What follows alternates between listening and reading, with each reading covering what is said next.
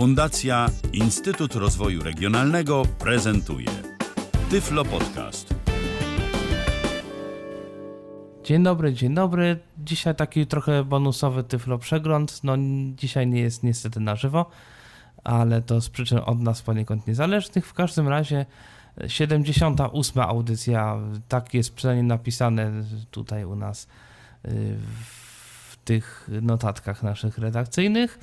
I jak to zwykle bywa, na początku zaczynamy, znaczy na początku zaczynamy. y, Zaczniemy może od przedstawienia się, czyli dzisiaj jest y, Paulina Gajoch, Dzień dobry. Robert Łabęcki, Dzień dobry. Mikołaj Hołysz, Paweł Masarczyk dobry. i ja, czyli Tomasz. Bilecki. Chyba nikogo nie pominąłem.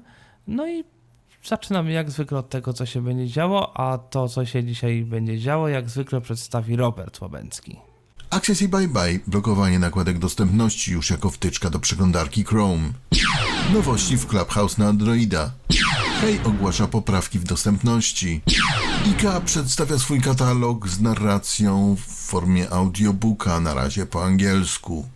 Super.com ogłasza partnerstwo z Mars Vision, aby ich gry były dostępne.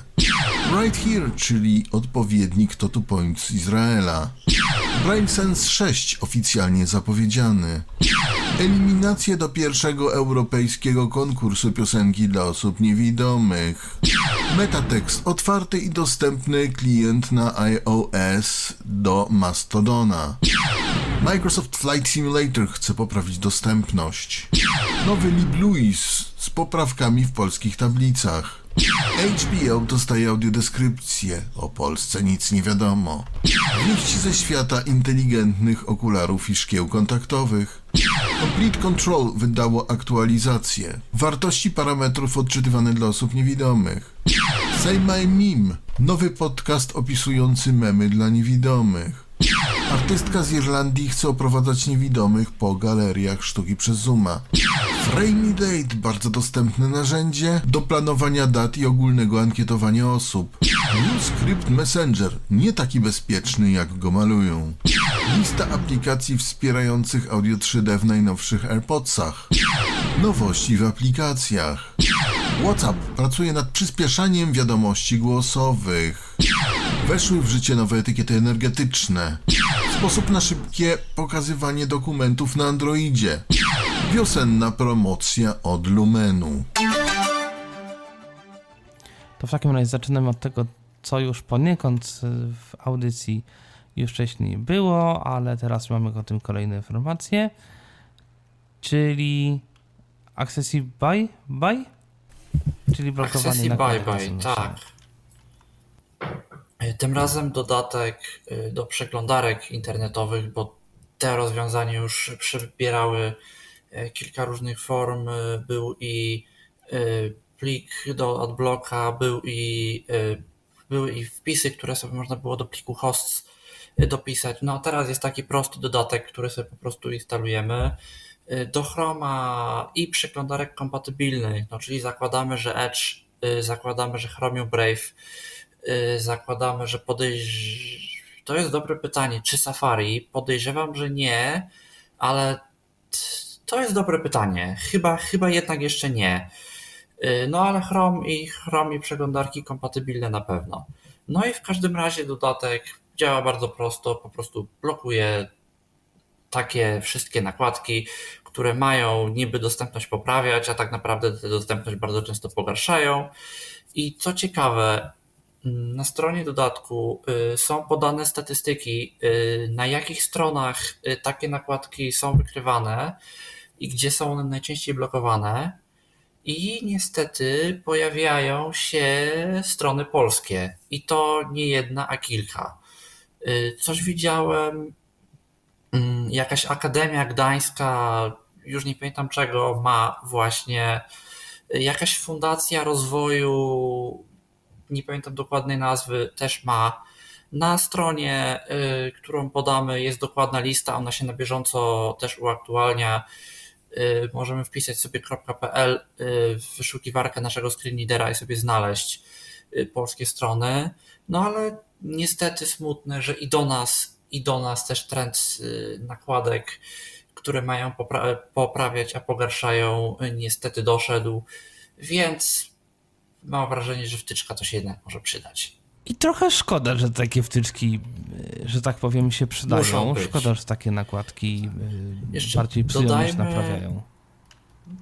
Dodajmy, mhm. że wtyczka stworzona jest przez firmę y, Pneuma Solutions, czyli tych ludzi, o których już mówiliśmy y, w Tyflo przeglądzie kilka odcinków temu, którzy tworzą jakieś takie rozwiązania, czy to OCR dla organizacji, czy to do transkrypcji prezentacji dla Zooma, to kiedyś, kiedyś te same osoby pod inną nazwą, bo to wtedy było pod marką Serotek, to się zajmowały takimi rzeczami jak Screen Reader System Access, jak DocuScan OCR i jak Samnet, zwany później Sero, czyli taka sieć społecznościowa dla niewidomych, y, która głównie w Stanach Zjednoczonych gdzieś tam funkcjonowała.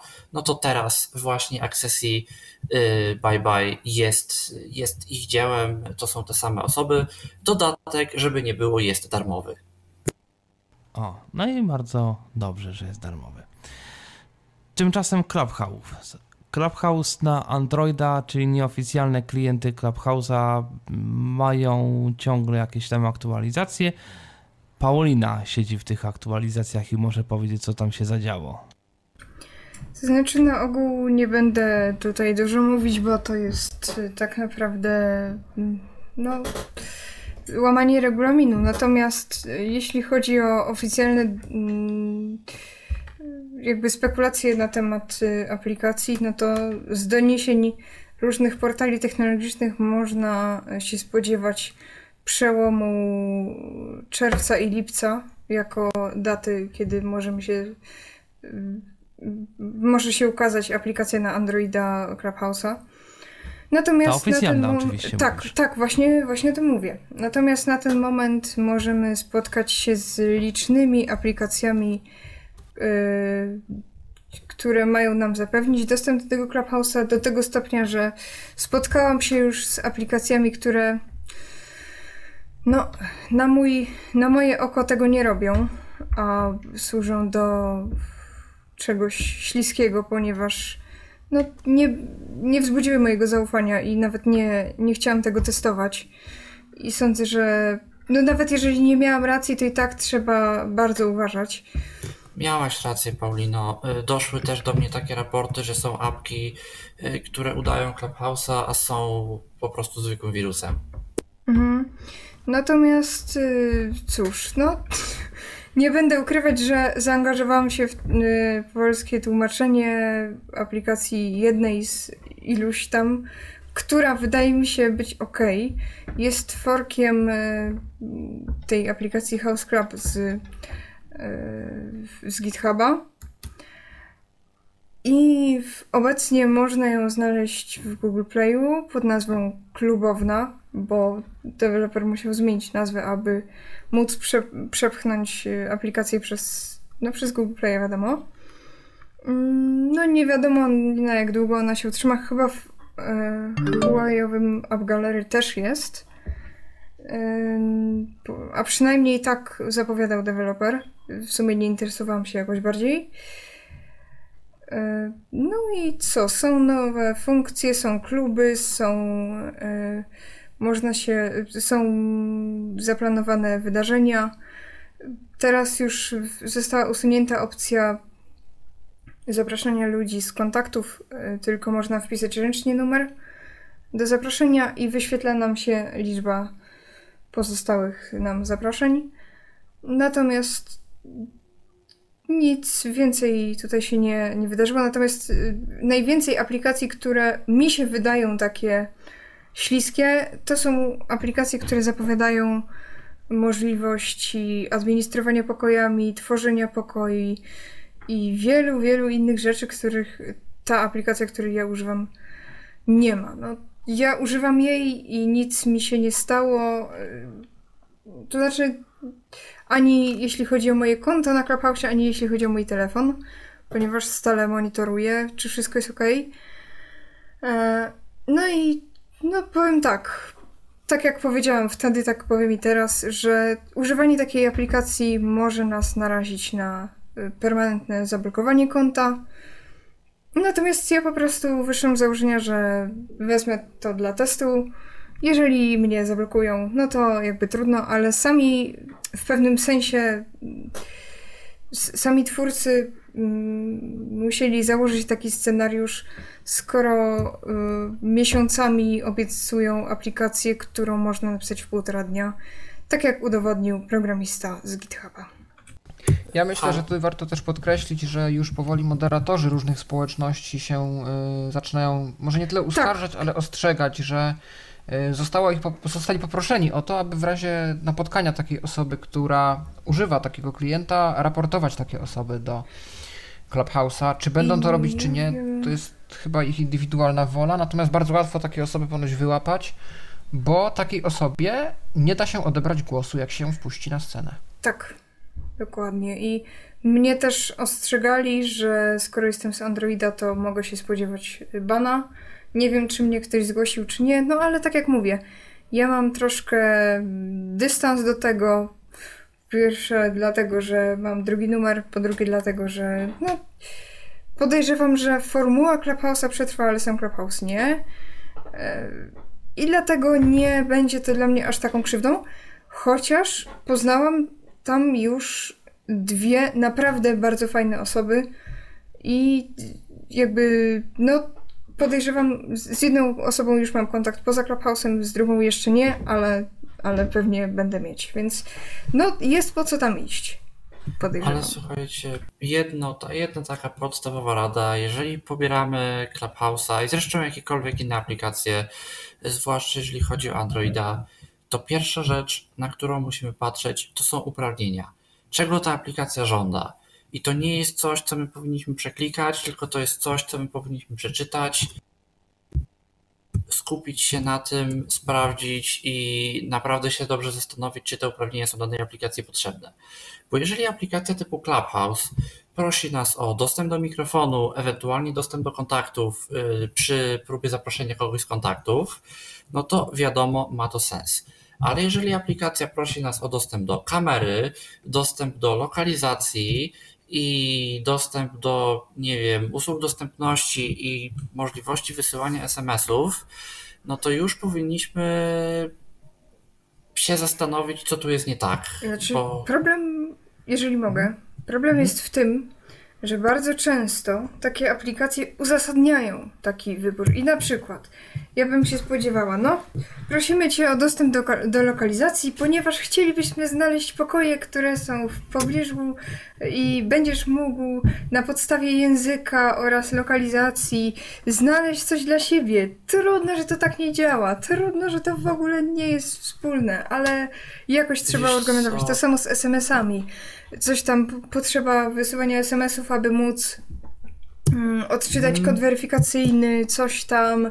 Zazwyczaj jak tak, tak aplikacja tak, tak. prosi o uprawnienia, które są dziwne, to stara się je uargumentować w jakiś taki sposób, mhm. żeby e, użytkownik, który się bardziej nie wgłębi, się nie zorientował, niestety.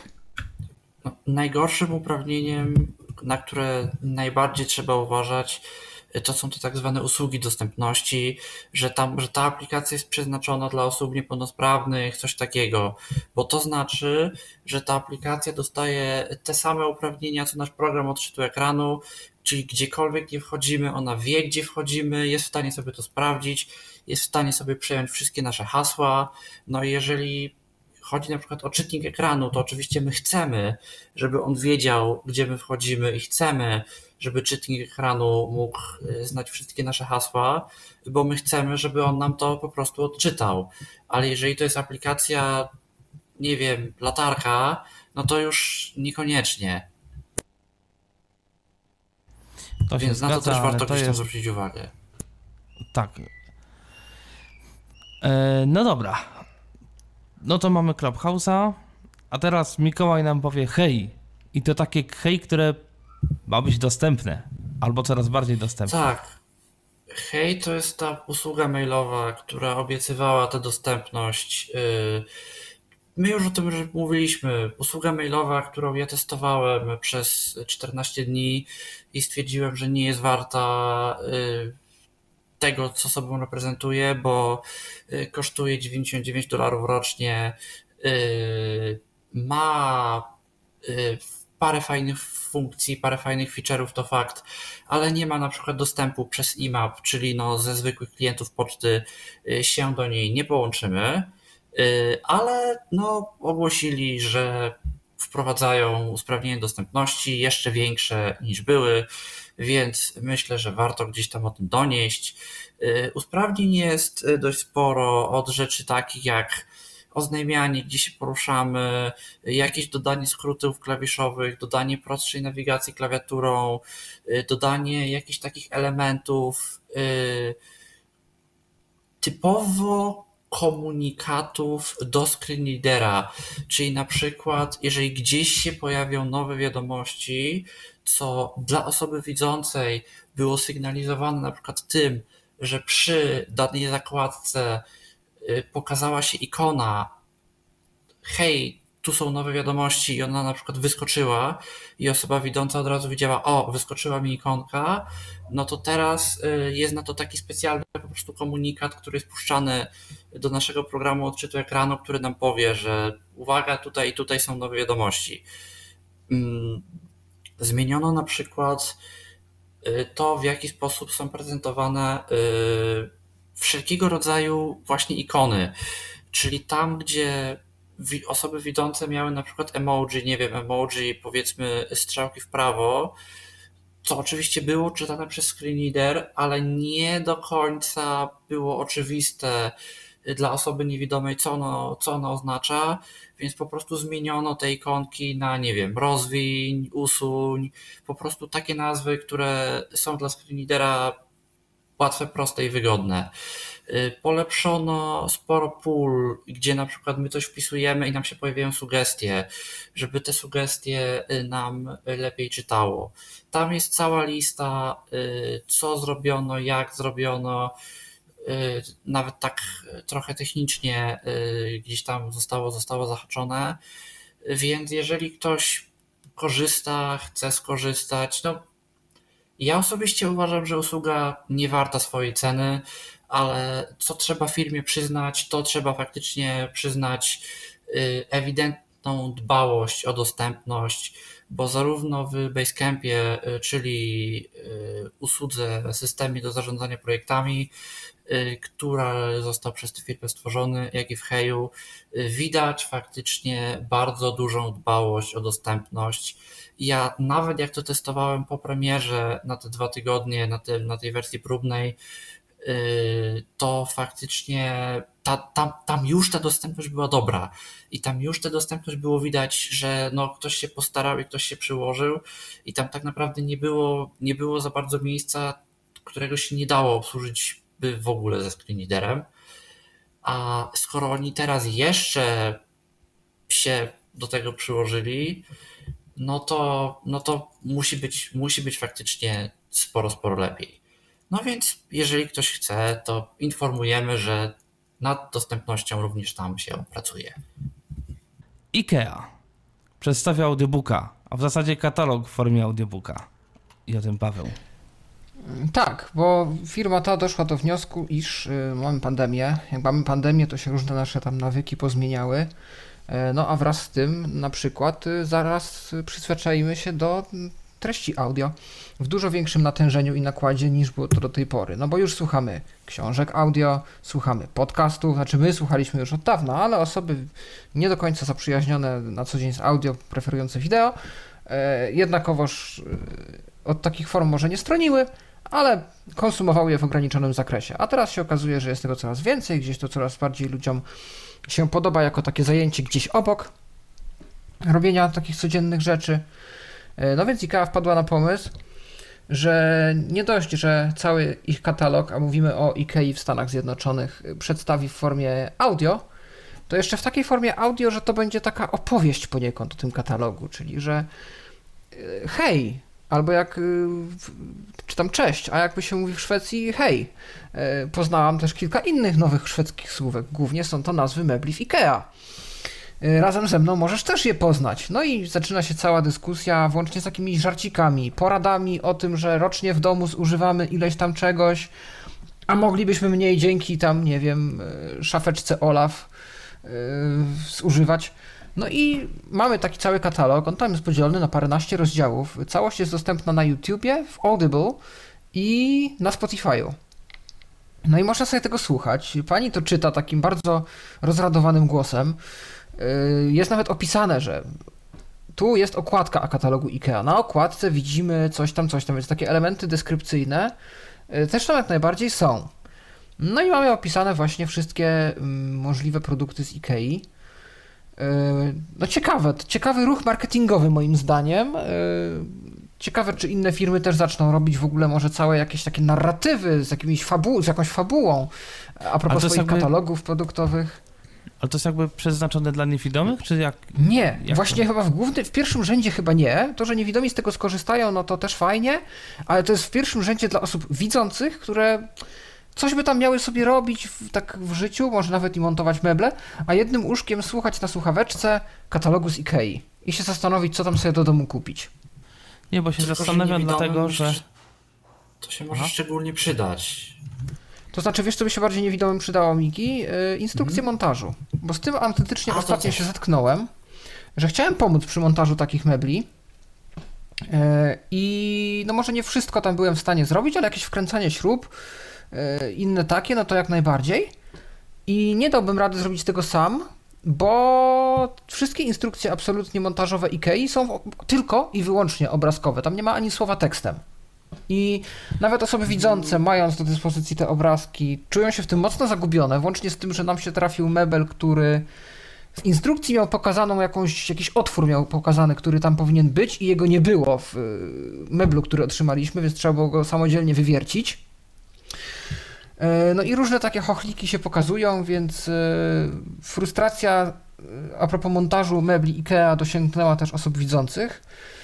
Mimo to, że na YouTubie już widziałem filmiki typu skręca meble z IKEA z zasłoniętymi oczami, skręca meble z IKEA po zażyciu kwasu, skręca meble z IKEA po zażyciu dwóch kwasów, więc wiesz, jakby ludzie niby tak szpanują, że to się niby tak da, że to jest takie proste, że, że tego, no ale już legendy o tym, ile śrubek zostaje na koniec montażu takiego mebla, który, z którymi nie wiadomo co zrobić, to cały internet jest tego pełen, więc. A ty coś tam Poza tym rzeczywiście też są ludzie, którzy jakby rzeczywiście im to przychodzi łatwiej, są też ludzie, którym to przychodzi trudniej z różnych przyczyn.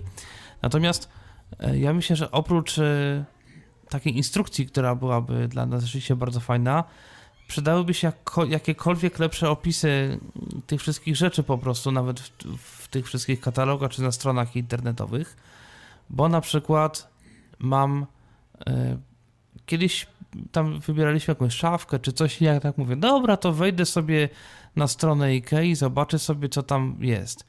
No i na przykład widziałem opisy typu szafka, i chyba nawet nie było wymiarów, tylko że no jest szafka. Ale co to za szafka? Czym się różni jedna szafka od drugiej szafki? W zasadzie to tego nie było. Ewentualnie były podane wymiary zewnętrzne, że na przykład w środku jedna ma trzy półeczki, a druga ma dwie szufladeczki, to już tego nie było na przykład w tych różnych opisach. Także no. No ciekawe jak jest audio i na ile on jest kompatybilny z ofertą polską na przykład IKEA. Czy te modele się tam w jakimś stopniu pokrywają na przykład, żeby chociaż mieć y, wyobrażenie o tym, y, jak wygląda taki mebel, tak jak ty mówisz, nie?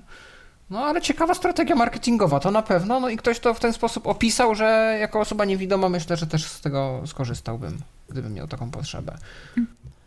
No i pytanie no na koniec za 100 punktów, kiedy nagra Storybox wersję polską?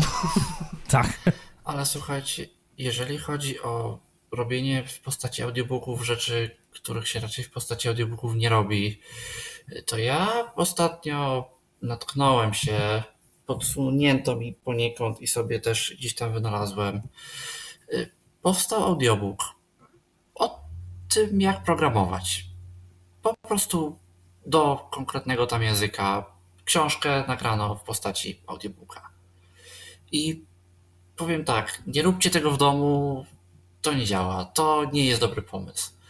Y, bo udało mi się dotrzeć do darmowej próbki, bo to w serwisie Audible jest dostępne i da się, da się za darmo kawałka posłuchać.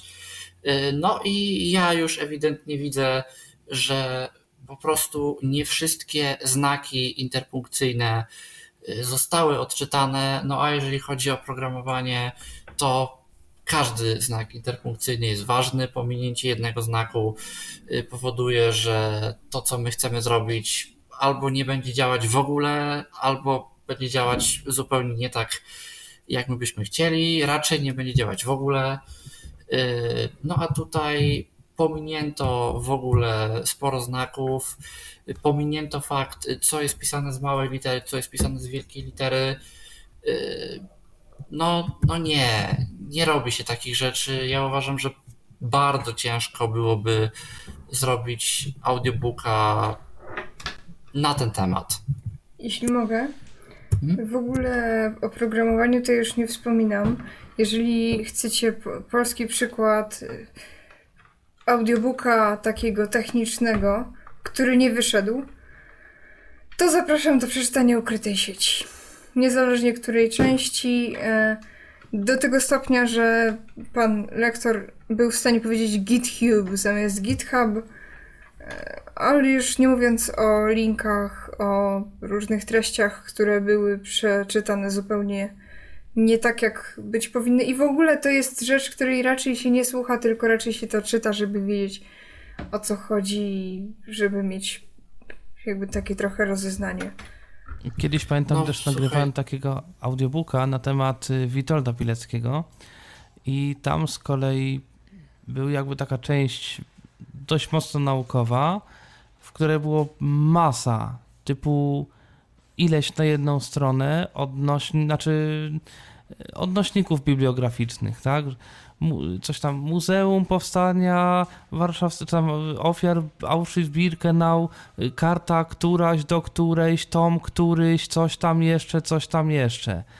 Za kilka linijek tekstu znowu było Y, tam zeznanie kogoś tam, coś tam, coś tam, strona któraś tam i tak dalej, i tak dalej. I teraz no też był problem, co, co czytać, co, czego nie czytać, dlatego że no z jednej strony no to jest dość ważny element, gdyby ktoś chciał coś z tego, no ale no niekoniecznie w audiobooku, tak, no bo audiobooka się słucha po to, żeby sobie posłuchać.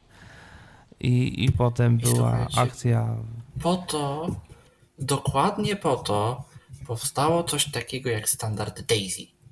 I teoretycznie właśnie takie audiobooki powinny być nagrywane w standardzie DAISY, gdzie pliki MP3 znajdź... to pliki MP3. No właśnie.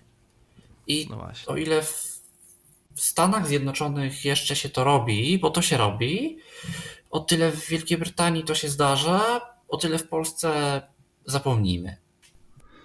Tylko, że nie wiem, mam wrażenie, że nawet jeżeli to się robi gdzieś tam w tych Stanach mhm. przykładowych, to i tak to jest bardziej ukierunkowane na niewidomych, a według tak, mnie to tak. nie jest tylko to. W sensie mhm. można to wykorzystać też właśnie tu, czyli na przykład, nie wiem, zrobić jedną stronę drukiem, czy tam jakąś, gdzie będzie po prostu pospisywane, albo tam jakbyś, jakoś parę stron, gdzie będzie po prostu w audiobooku powiedziane tam, że odnośnik do tekstu, mhm odsyłamy do tekstu, bo no, nie czyta się takich rzeczy.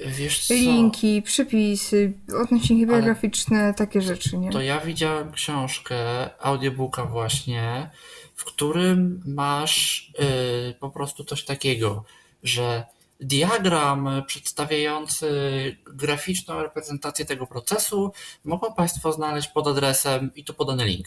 I to link taki tak, prosty. I przepisy. Aha, prosty. A to jeszcze ok. Nazwa książki.com ukośnik media. I tam po prostu na tej stronie są wszystkie A obrazki. To też jest myśl.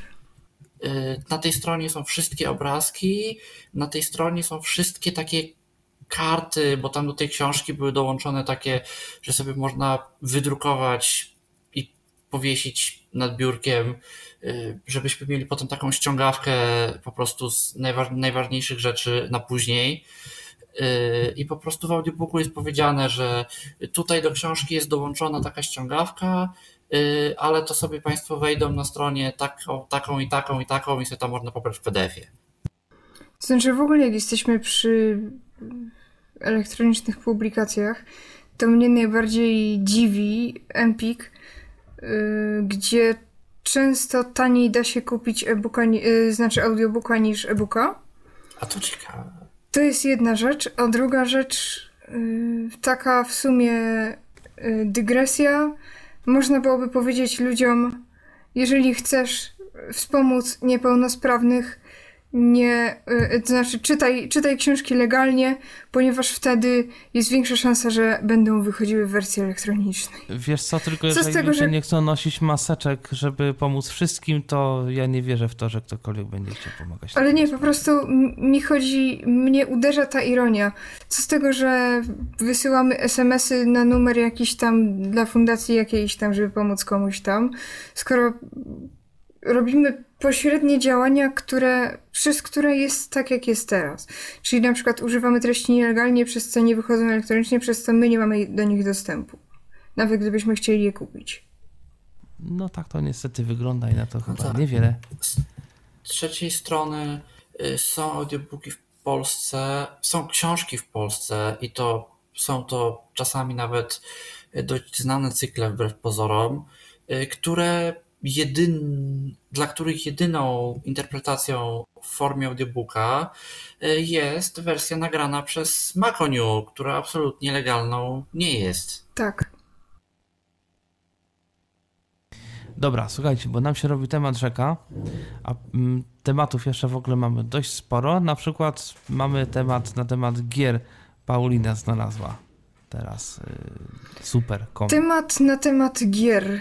Przedstawię się tak, że super.com, czyli taki, by rzec, inkubator gier, y, inkubator tworzenia, publikowania gier przez deweloperów, y, dogaduje się w cudzysłowie z, z twórcami oprogramowania Mars Vision, dzięki czemu gry wydawane przez właśnie super.com mają być dostępne dla niewidomych, yy, w ogóle dla niepełnosprawnych. I yy, jest to podkreślone, że to nie jest yy, jakakolwiek zmiana treści gry, jest to po prostu nakładka dostępnościowa, która ma wszystkie te gry od nich udostępnić nam.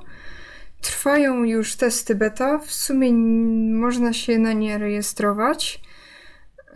Zastanawiam się, czy, czy się rejestrować, ale chyba faktycznie to zrobię chociażby tak dla testu. Mm, no i tych gier tam faktycznie jest dużo, dużo wydali. To są dziesiątki tytułów, więc zastanawiam się, jak jedna nakładka może być na tyle uniwersalna, żeby tym, tym wszystkim y, tytułom sprostać. Podobno to jest oparte na jakiejś sieci neuronowej, która nie wiadomo co robi, chociaż z drugiej strony to może być tylko chwyt marketingowy, bo ostatnio ludzie bardzo lubią to słyszeć. E, ale no, spróbuję się tam zarejestrować i ewentualnie będę za kurtyny dawać znać na temat postępów wdrażania tego rozwiązania. Zobaczymy też jak to wyjdzie, bo jak ja słyszę nakładka mająca zapewniać, dostęp, zapewniać dostępność i oparta na sieci neuronowej, to niestety coś mi to przypomina. Stąd właśnie mój ostudzony entuzjazm. A teraz nie wiem, czy będzie ostudzony entuzjazm, czy jaki inny. W każdym razie Rollup znalazł y, promocję w sklepie Lumen, piosen- wiosenną promocję na telefony na smartfonie. To znaczy, e, e, może ja niekoniecznie znalazłem, tylko po prostu od nich zwyczajnie na naszą skrzynkę redakcyjną, dokładnie moją, po prostu dostałem, co by podać.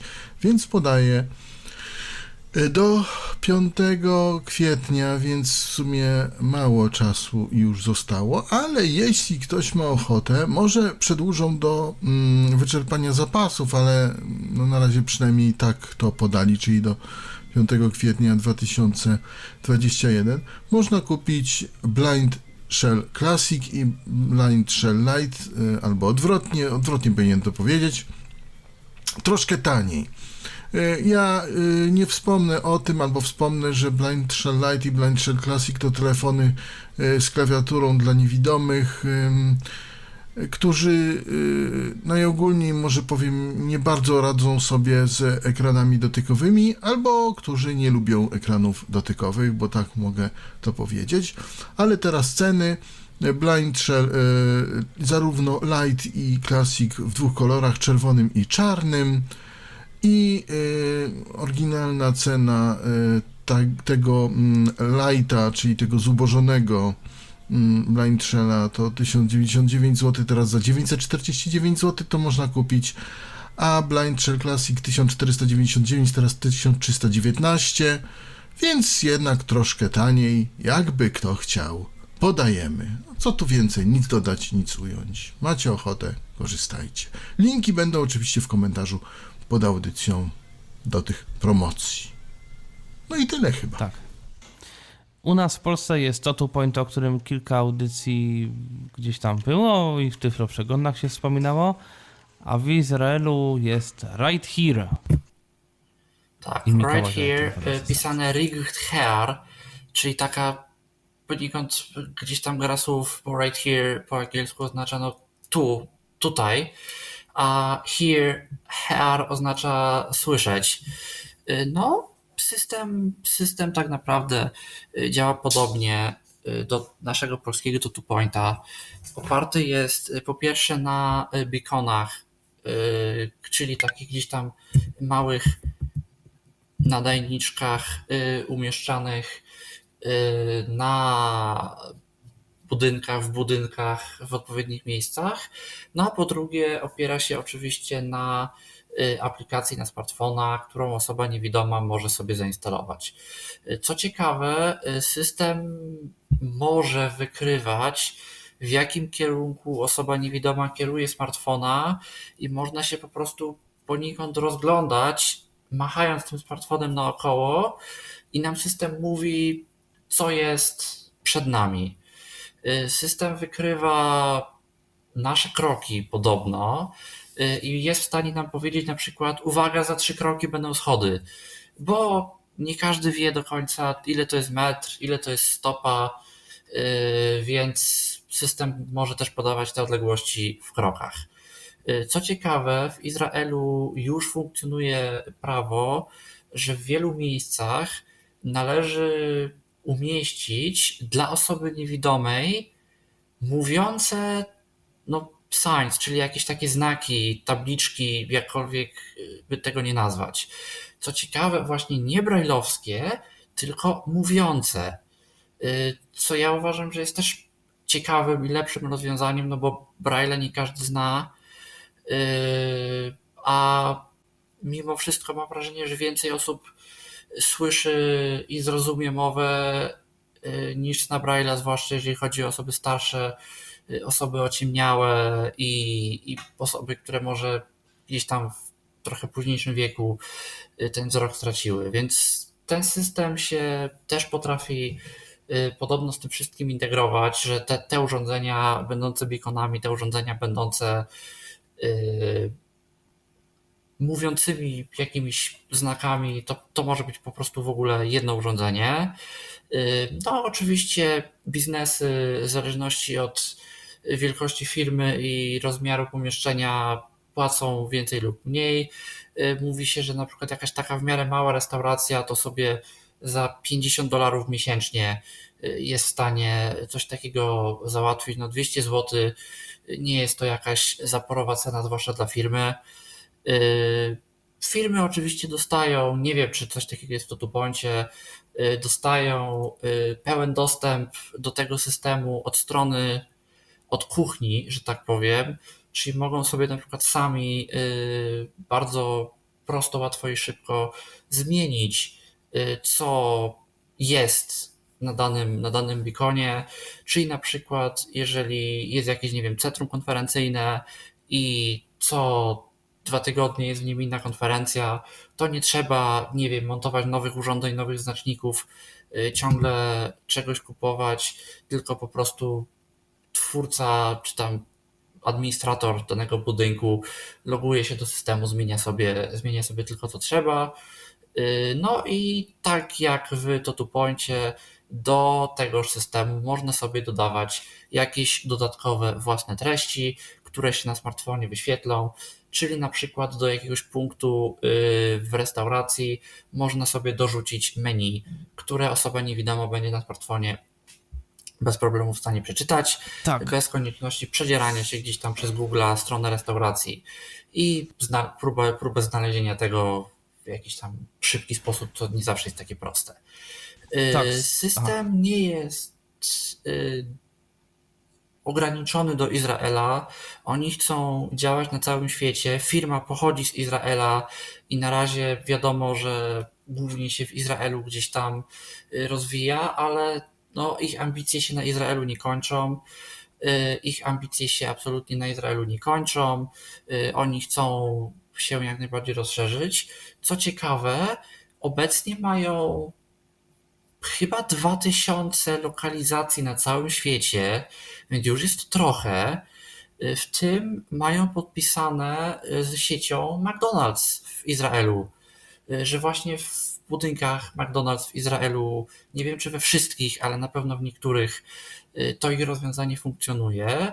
Y, Też w jakiejś sieci espresso, jakiejś takiej kawowej, y, która też właśnie na, na terenie Izraela funkcjonuje, również, również right here działa. Jest jeszcze tam jakieś dwie czy trzy takie, takie większe sieci.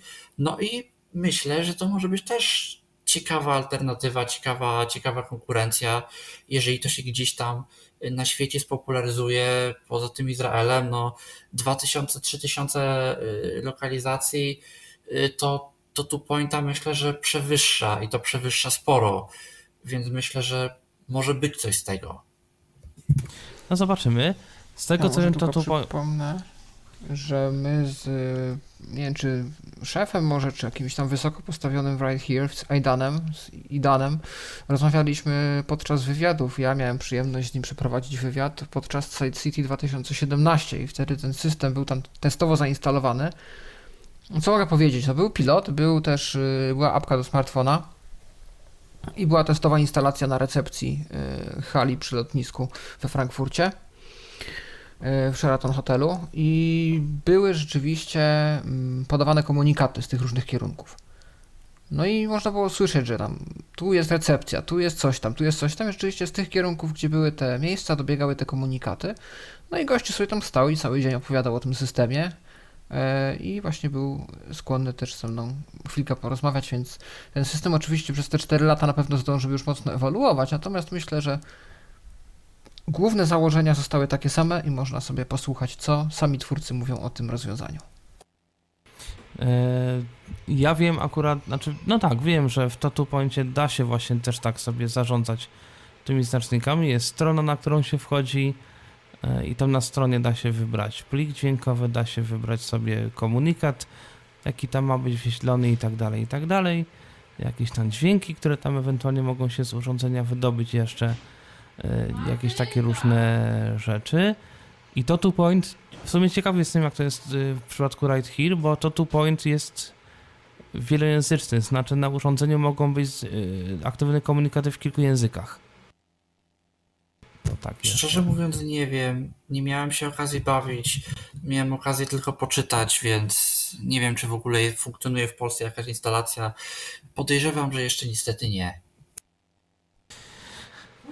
No dobra, to w takim razie przechodzimy do następnego tematu i to jest chyba mój temat.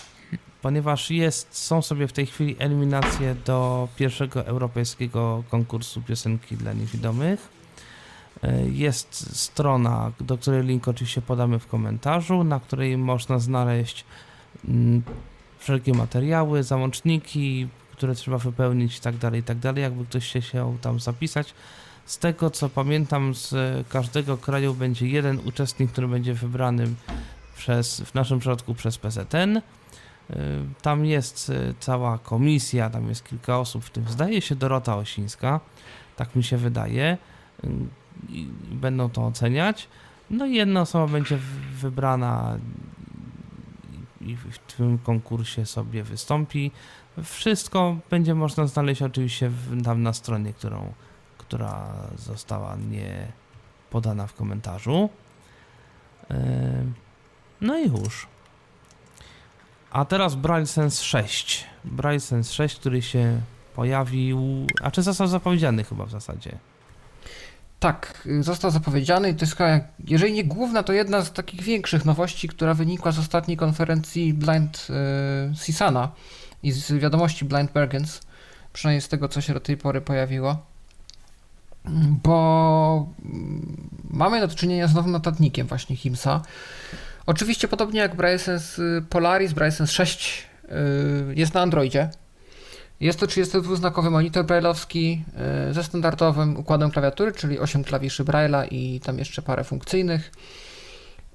Teraz coś się zmieniło ponoć w tym designie tej klawiatury, ale to nie jest główna nowość. Główną nowością jest to, że trochę rozbudowano specyfikację i podskoczył Android. No bo jak pamiętamy Braille Sensa czy Polarisa, czy Polarisa Mini, uparcie tam tkwił Android 5 E, i jakichś perspektyw na aktualizację nie było widać. No i już w momencie, kiedy te Brightsensy wychodziły, to było to trochę niepokojące, a w dzisiejszych czasach to już w ogóle jest ciężko wytłumaczyć dlaczego. No tutaj się już HIMS postarał, jest Android 10. No nie jest to najnowszy, ale umówmy się, że jeszcze jest na tyle akceptowalne, że może będzie szansa na jakiś e, update do 11. Nie wiem jak to na 12 by się zapatrywali, no ale już to lepsze niż e, piątka. Z perspektywy dostępności również. No i tak, mamy ośmiordzeniowy procesor. Jaki producent raczył nie udostępnić tej informacji? Czy, czy, czy to Snapdragon jakiś, czy Mediatek, czy coś jeszcze innego? 6 GB RAMu, 128 GB pamięci wbudowanej, porty USB-C zarówno do ładowania, jak i do przyjmowania różnego typu urządzeń. Tutaj bardzo podkreślana jest e, współpraca z różnego rodzaju kamerami, projektorami, monitorami, możliwości prezentacji treści stworzonych albo przetrzymywanych na notatniku yy, właśnie na jakichś urządzeniach zewnętrznych. Yy, no tak, głośnik jest, oczywiście mikrofon, Bluetooth 5.0, low energy, oczywiście Wi-Fi, wiadomo, kamera 13 megapikselowa, i to w zasadzie tyle, co, co wiemy na ten moment. no, funkcjonalnie nie wiadomo, dotyku. Czy... W sensie, czy jest jakiś też taki pasek dotykowy, czy, czy co, czy nie? Tam chyba coś z ekranem było, że tam jakieś, przynajmniej w tych starszych model, modelach, nie wiem czy pamiętasz, tam jakiś tam chyba taki mały ekranik do jakichś podstawowych gestów chyba był, czy mi się to myli z innym notatnikiem. Może i tak, czy właśnie jakiś pasek, nie pamiętam. Coś takiego, nie? Ale no no w każdym razie na pewno klawiatura to jest ten podstawowy sposób obsługi. No i mamy tego BrailleSense'a. Kosztować ma 5975 dolarów, yy, czyli w, na, na, w przeliczeniu na złote, bezpośrednio tej ceny, oczywiście tam pewnie dojdą jakieś jeszcze marże i inne opłaty, to jest prawie 23 tysiące złotych. Tak, no więc, yy, że tak powiem, tutaj no, cenowo można, można się było tego spodziewać. Natomiast nareszcie mamy notatnik, którym, jak już ma Androida, to jakiegoś przyzwoitego, jeśli chodzi o wersję, no i specyfikacje już takie rzeczywiście też bardziej nowoczesne. No miejmy nadzieję, że to się przełoży zarówno na stabilność, jak i produktywność. Też coś o Elbrailu do mnie dociera, że jakiś upgrade przeżył, yy, że jakiś Elbrail Suite w ogóle się pojawił z jakimiś aplikacjami różnymi na dedykowanymi Elbrailowi i w tym na przykład jest Duxbury. No czyli mamy już konwerter taki z prawdziwego zdarzenia brailleowski z opcją drukowania na drukarkach, yy, wbudowany właśnie w takie urządzenie yy, not, około notatnikowe z Windowsem 10. Trzeba by jeszcze dotrzeć do informacji, jakie tam, jak to tam sprzętowo zostało podbudowane i czy coś jeszcze programowo się zmieniło. A teraz taki news, który nam doszedł w ostatniej chwili. Paulina znalazła informację na temat nowej wtyczki do NVDA, która um, ułatwia obsługę programu Becky. Miałam już znowu przetrząsać rynek y, klientów poczty elektronicznej, w najgorszym wypadku wrócić na Thunderbirda, aż nagle wtem niesamowicie na rzutem na taśmę trafił do mnie news o wtyczce do obecnego mojego klienta poczty, czyli Becky. Zrobił ją nasz krajan Łukasz Golonka. Jest dostępna na GitHubie i co ona wprowadza do Becky?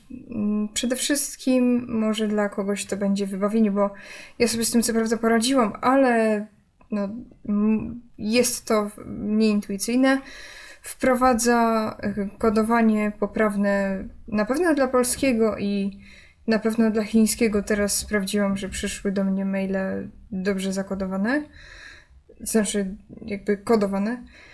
E, Kolejną rzeczą jest to, że w polach edycyjnych mamy czytane zaznaczenie, e, ponieważ nie było i jak zaznaczaliśmy tekst, to mogliśmy to zrobić skrótami, ale nie była odczytana treść tego zaznaczenia przez screenreader.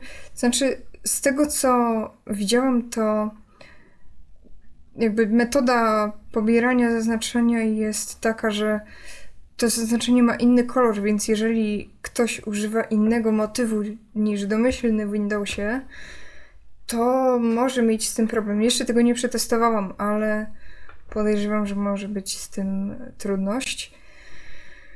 E, jeśli chodzi o zgłaszanie załączników i zamkniętych wątków, to odpowiedź mm, od dewelopera nie przyniosła żadnych konkretów.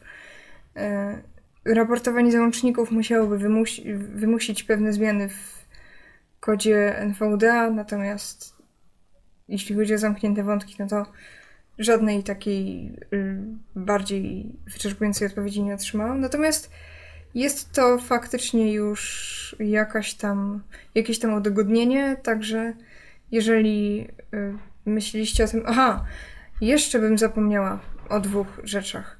Po pierwsze, y, jak mieliśmy foldery z podfolderami, to niezależnie od tego, czy były zwinięte, czy rozwinięte, komunikat był, że są rozwinięte.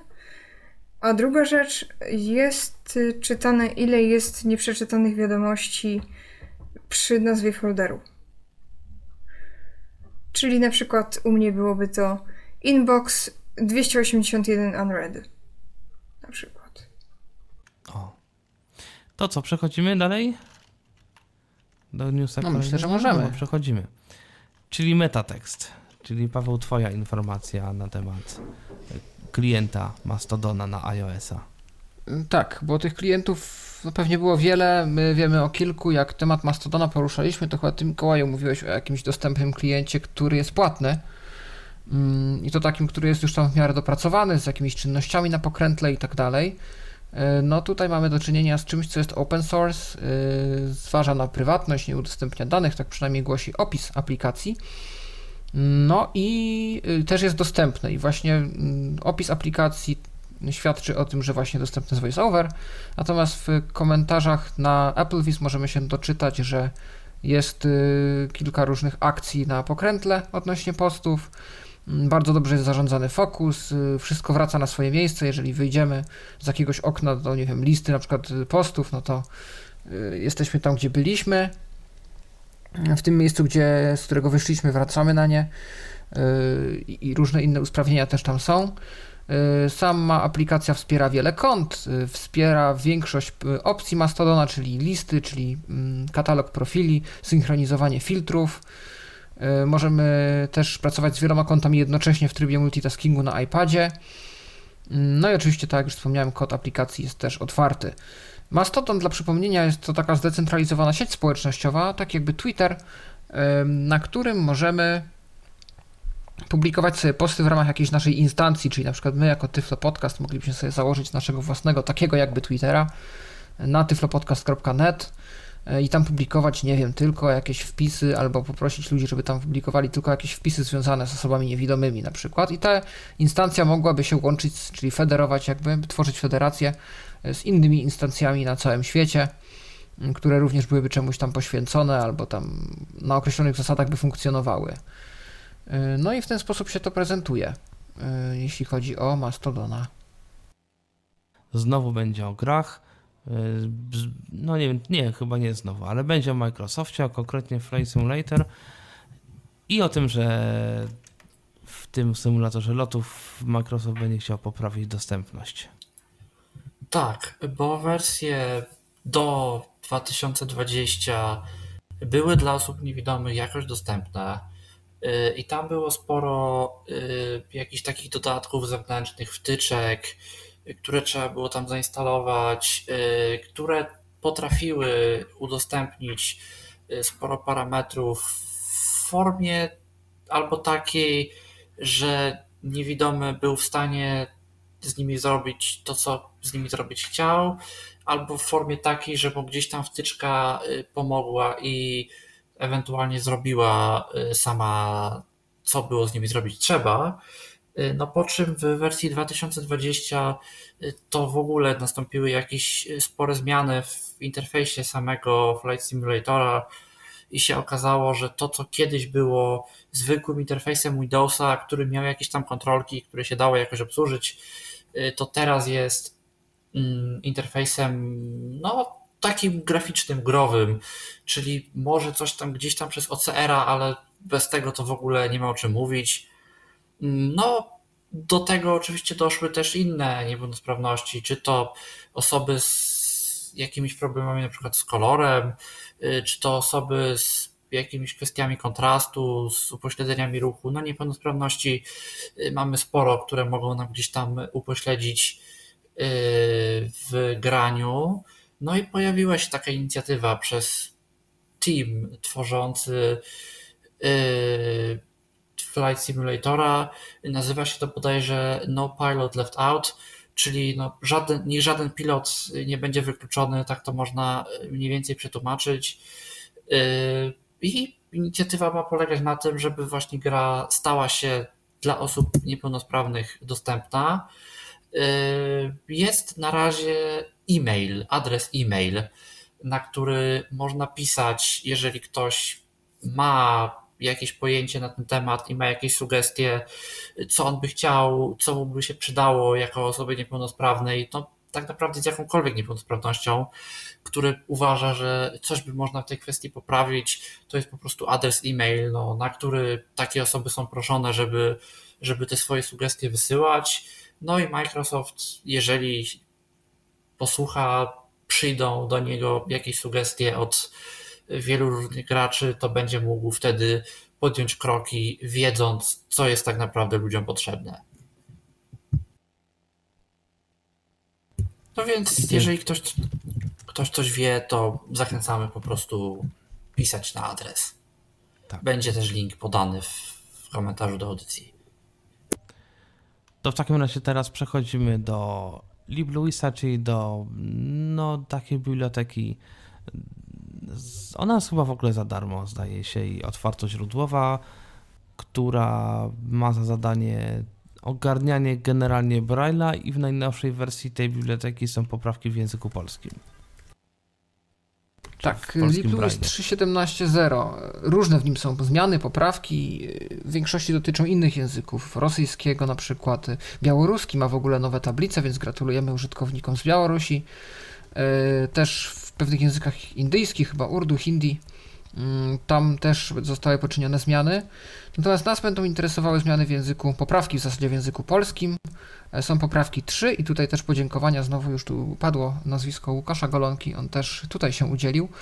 E, zarówno w tablicy brajlowskiej, literackiej, jak i komputerowej zostanie dodał myślnik, e, tak zwany M-dash mm, z angielskiego, czyli taki myślnik, którego używamy na przykład, żeby właśnie coś wtrącić w wypowiedzi w środku zdania. Tak samo została poprawione tłumaczenie jakby zwrotne dużych liter alfabetu łacińskiego, zwłaszcza wielkiej litery M, wielkich liter alfabetu łacińskiego. E, no i e, tłumaczenie zwrotne w tablicy pierwszego stopnia, e, bo tam pousuwano wiele jakichś niepotrzebnych definicji, które uniemożliwiały poprawną interpretację ciągów znaków otoczonych znakami cudzysłowiu. No i to jest w zasadzie mm, to, co zmieniło się w, w tym LibLouisie. Zmiany oczywiście, tak jak mówiłem, więcej dla większej ilości Y, tablic. Mm, no i teraz trzeba tylko czekać, aż y, twórcy poszczególnych screenreaderów na różnych platformach uaktualnią tą bibliotekę, a warto przypomnieć, że LibLouis już w tym momencie w większości takich renomowanych screenreaderów jest używany, czy jest to narrator, czy jest to NVDA, czy jest to BRLTTY, czy jest to nawet JOS, y, VoiceOver, wszędzie tam znajdziemy LibLouisa. A kolejnym newsem jest HBO i fakt, że HBO dostaje audiodeskrypcję, chociaż nie wiadomo czy w Polsce, znaczy pewnie nie w Polsce.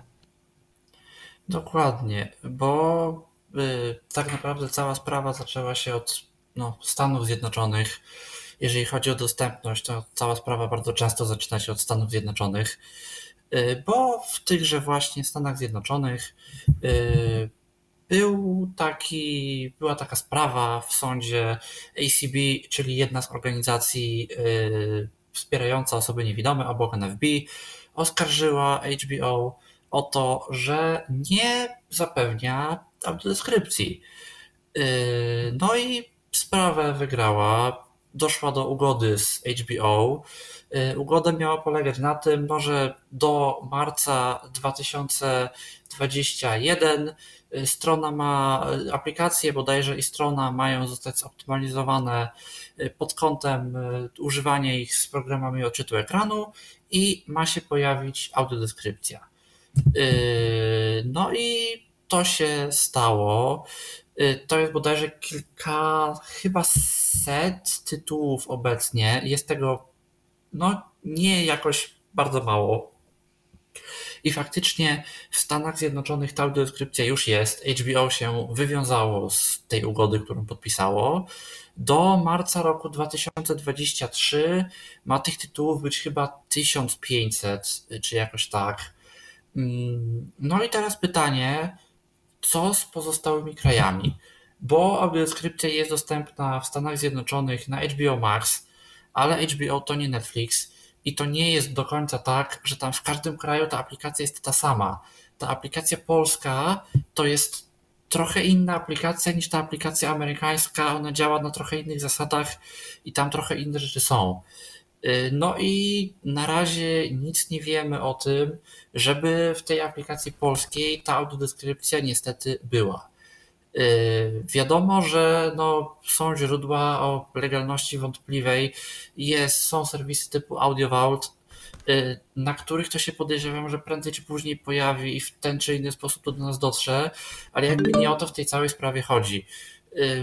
Bo no, fajnie by było, gdyby takie rzeczy dotarły do nas również w formie w 100% legalnej i w 100% zgodnej z prawem i takiej, jeżeli jesteśmy subskrybentami i mamy dostęp do naszej polskiej platformy HBO, żebyśmy te audiodeskrypcje też mieli. No niestety na razie nie mamy żadnych informacji na ten temat.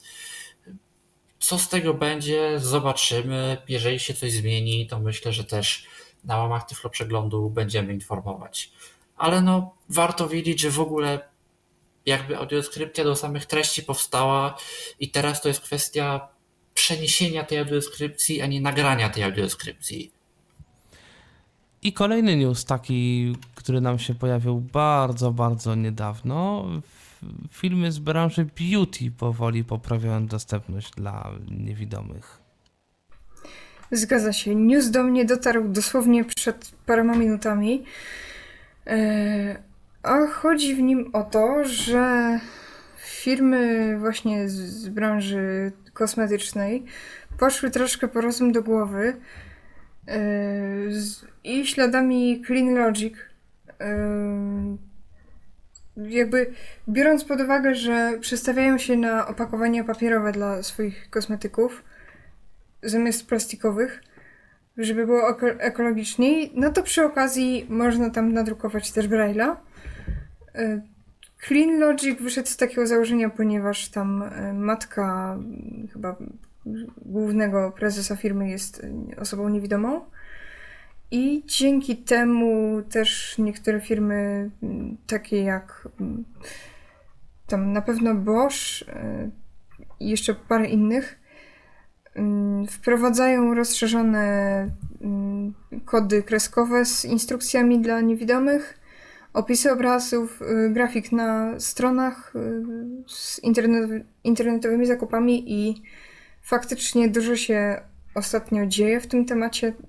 Znaczy, na razie nie zauważam tego w Polsce, ale miejmy nadzieję, że za jakiś czas za jakiś czas to do nas dojdzie. To w takim znaczy, razie przechodzimy... Proszę, powiedziałem tak Aha. zupełnie swoją drogą, bo wiem, że tam było parę kosmetycznych firm wymienionych, ale teraz nie mam tego pod ręką.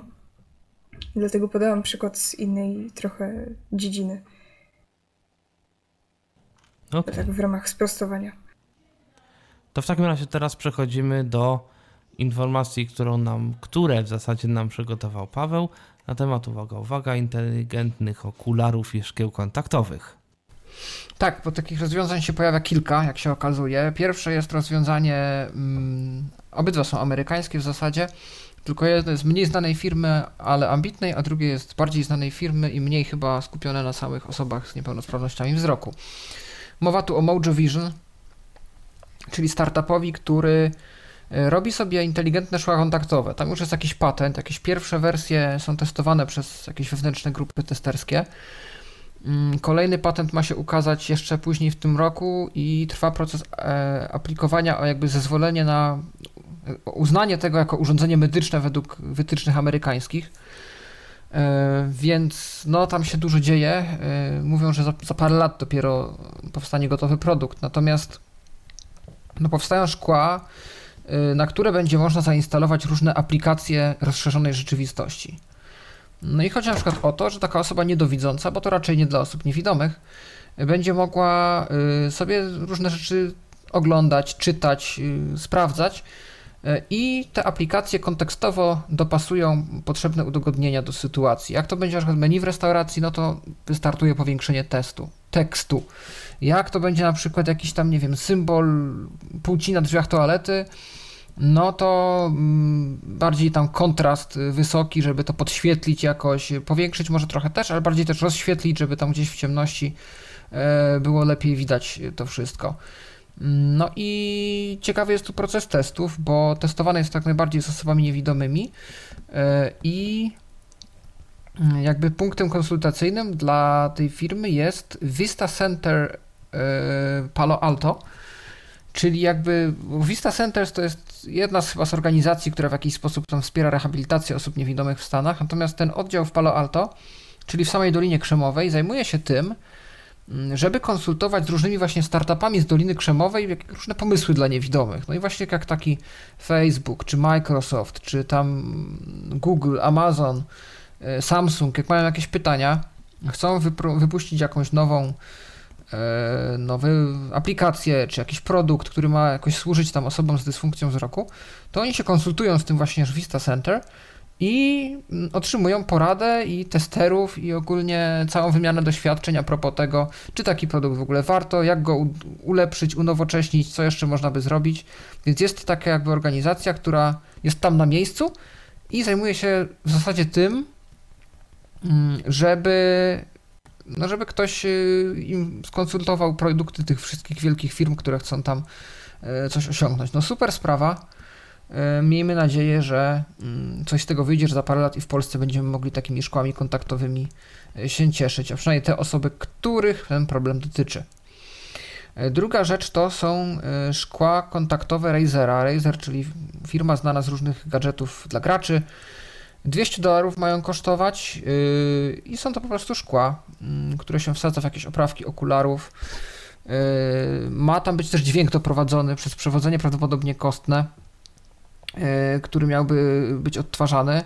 Różne rodzaje szkiełek, osobne do mm, pracy z komputerem, osobne do pracy na zewnątrz. E, można też sobie własne szkła, jeżeli mamy na to jakieś, e, jakąś receptę, w ten cały system jakby wbudować. Mm, no i tutaj już nie ma mowy o jakichś e, na ten moment rozwiązaniach typowo dla osób z dysfunkcją wzroku, natomiast jest baza sprzętowa, żeby coś takiego uruchomić. Jest też jakieś oczywiście sterowanie dotykowe, tym całym tam po boku gdzieś jest panel na różne gesty. No może to byłaby baza pod jakieś nowe Envision AI, chociaż nie wiem na ile to ma w sobie system operacyjny. Yy, jakiś taki sensowny, na którym Envision Glasses mógłby zabazować. No, więc, więc tu, tu jest taki pomysł. Natomiast trzecia rzecz y, powstaje we Francji i to nawet tym się zainteresował zarówno Rotary Club, czyli jakby no, organizacja, która wspiera różne takie cele dobroczynne e, oraz y, jest Związek Pentatlonu chyba, więc jakby poważne organizacje, które nie tylko działają na rzecz osób niepełnosprawnych. E, jest to urządzenie, które wkłada się do plecaka które jest tak jakby procesorem. Łączy się ono ze słuchawkami, chyba z przewodzeniem kostnym również, które ma na głowie osoba niewidoma. I za pomocą algorytmów chyba sztucznej inteligencji generuje trasy po jakich my chcemy iść. Tam wyznaczamy, że chcemy iść skądś dokądś. Nie do końca jestem pewien, czy to chodzi bardziej o GPS-a, czy bardziej o wytyczone trasy na przykład do jakiegoś biegu czy wydarzeń sportowych, bo to chyba coś tego typu bardziej. No i w tym momencie, jak mamy trasę takiego biegu i mamy takie urządzenie w plecaku, to mm, dostajemy komunikaty dźwiękowe, w którą stronę powinniśmy się udać, żeby przebiec po tej trasie, która została wyznaczona. I te komunikaty są jak najbardziej kierunkowe, mm, y, ta osoba słyszy to albo z lewej, albo z prawej, więc instynktownie wie, gdzie się skierować. No takich rozwiązań już kilka gdzieś tam było do wspierania biegów, y, jakaś apka, zdaje się, że kiedyś o niej mówiliśmy w czasie Tyflo Przeglądu. Y, nie wiem, czy ten projekt od Google, który ostatnio wystartował, też nie miał czegoś takiego na celu. No, robi się tego coraz więcej i dobrze, bo sport to zdrowie i fajnie też osoby niewidome w nim wspierać.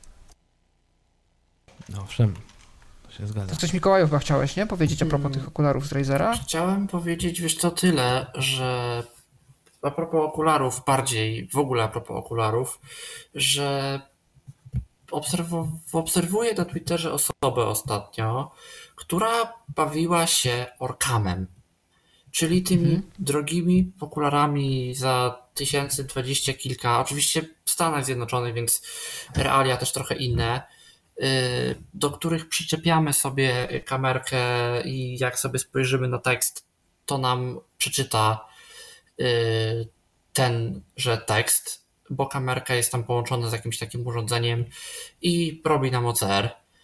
Y, I osoba twierdzi, że w ogóle cudowne rozwiązanie, ona jest zachwycona Orkamem, że w ogóle super rzecz, że takie wygodne, że zero telefonu wyciągania, że wszystko czyta, że on już tam coś rozpoznaje, że rozpoznaje i w ogóle dla mnie to była zabawka za dwadzieścia kilka tysięcy, w ogóle nie warta kupowania, a osoba to wiem, że jakby nie było ogarnięta technicznie, wiedząca co robi, jeżeli o technologię chodzi, mówi takie rzeczy, że to w ogóle fajna rzecz, więc myślę, że też warto gdzieś może nie tyle się zainteresować, ale y, trochę zrewidować. Ja musiałem zrewidować trochę własny pogląd na temat tego Orkama, bo no skoro, skoro ludziom się to faktycznie przydaje, to może w tym faktycznie coś jest. Znaczy, na Znaczy, ja pewno mamy powiem- taką tendencję, żeby rugować na pewno wszystko, co jest drogie. Jak widzę sprzęt za 20 tysięcy, który robi OCR i mam aplikację za darmo, która robi OCR, no to stwierdzę, że a, ten sprzęt to jest pewnie tam tragedia, tego nie warto ani się tym interesować, ani tego kupować, ani nic, telefon jest lepszy i mi to zrobi. No poniekąd pewnie prawda, bo, bo cenowo to się bardziej opłaci. Natomiast taki Orcam, po pierwsze działa offline, po drugie dynda na okularach, bo to jest jakby sam Orcam, to jest tylko i wyłącznie kamerka. My ją możemy zamontować na dowolne okulary, po prostu powiesić ją sobie na oprawce, czy tam na powiedzmy tym zgięciu z boku.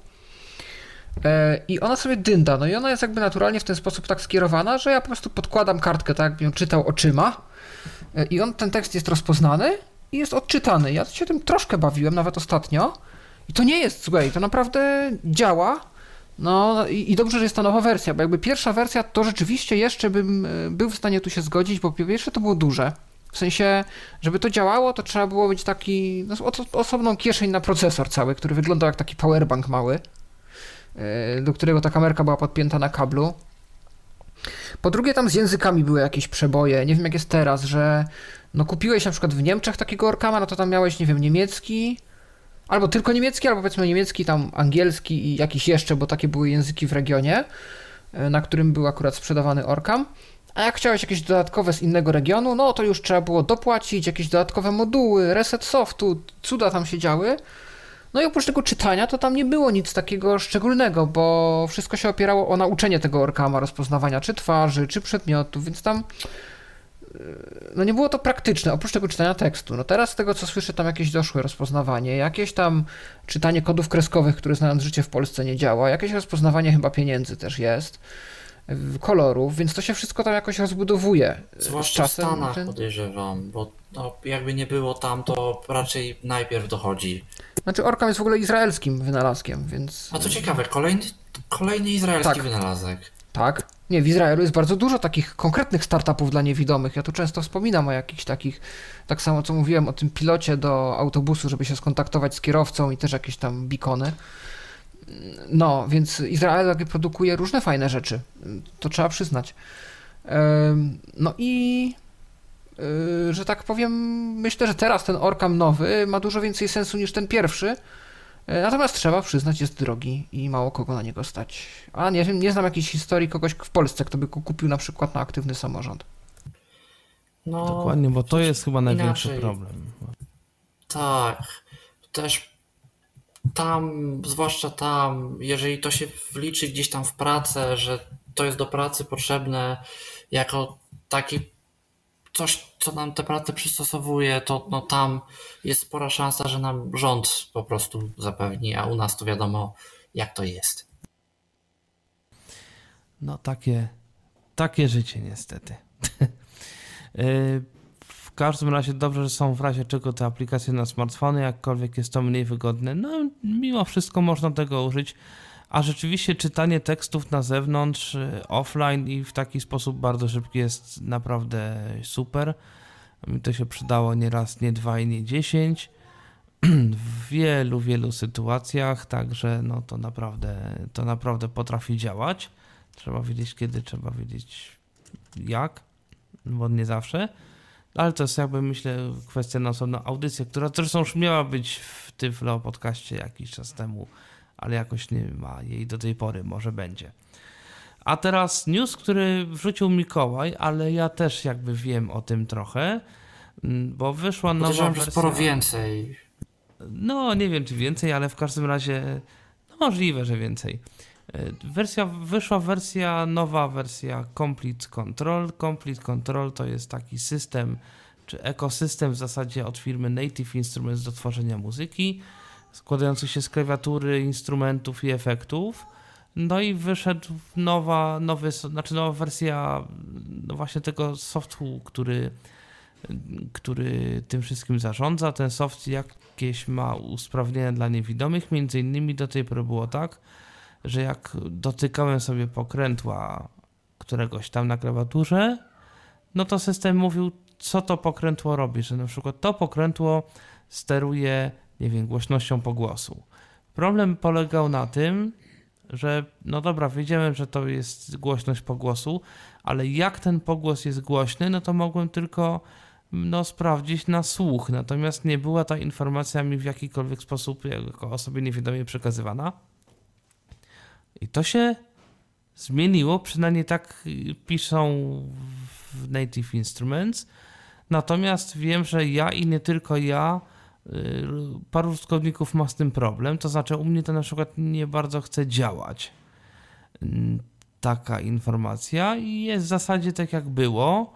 Natomiast wiem, że była jakaś dyskusja na temat y, tego prowadzona na liście dyskusyjnej na temat y, Complete, bo jest taka lista dyskusyjna. Ja spróbuję ten temat jakoś pociągnąć i spróbuję się temu bliżej przyjrzeć i no, spróbuję w jakiejś kolejnej audycji może mm, no, jeżeli mi się uda oczywiście ten problem rozwiązać, no to powiem, co tam jest nie tak i jakby ktoś chciał też coś takiego zrobić, no to to co zrobić? Hmm ten y, automatyczny przewodnik po trasach, Paweł, co miałeś, to tak, to już aktualny, był, czy to... To on już był w tym, w okularach, mówiłem o nim, ten plecak z tym, y, ze sprzętem i słuchawki, co ten biegacz biegał, to mówiłem już w tym, w okularach jako trzeci, trzeci news. To teraz o nowym podcaście opisującym memy yy, dla niewidomych Mikołaj opowie. Say My Meme y, to jest podcast w języku angielskim prowadzony, więc jeżeli ktoś zna, to może sobie zajrzeć. To jest idea trochę podobna do podcastu Talk Description to Me, czyli opisy rzeczy wszelkiego rodzaju od inauguracji prezydenta przez wybuchy i pożar jakiś tam, który, który kiedyś był. No tylko, że My Meme y, to są konkretnie opisy memów.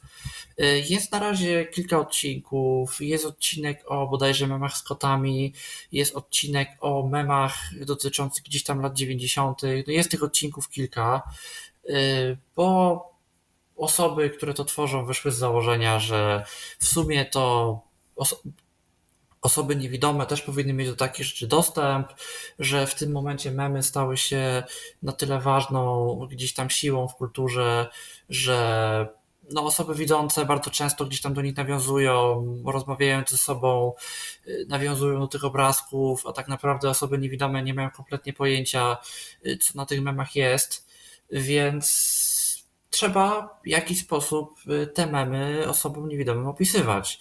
No i powstał taki podcast. Na tym podcaście są one właśnie opisywane. Prowadzi to osoba niewidoma z osobą widzącą, więc po prostu osoba niewidoma, no, która o tych memach niewiele wie, i osoba widząca, która próbuje y, tej osobie niewidomej i przy okazji wszystkim słuchaczom y, te memy opisać.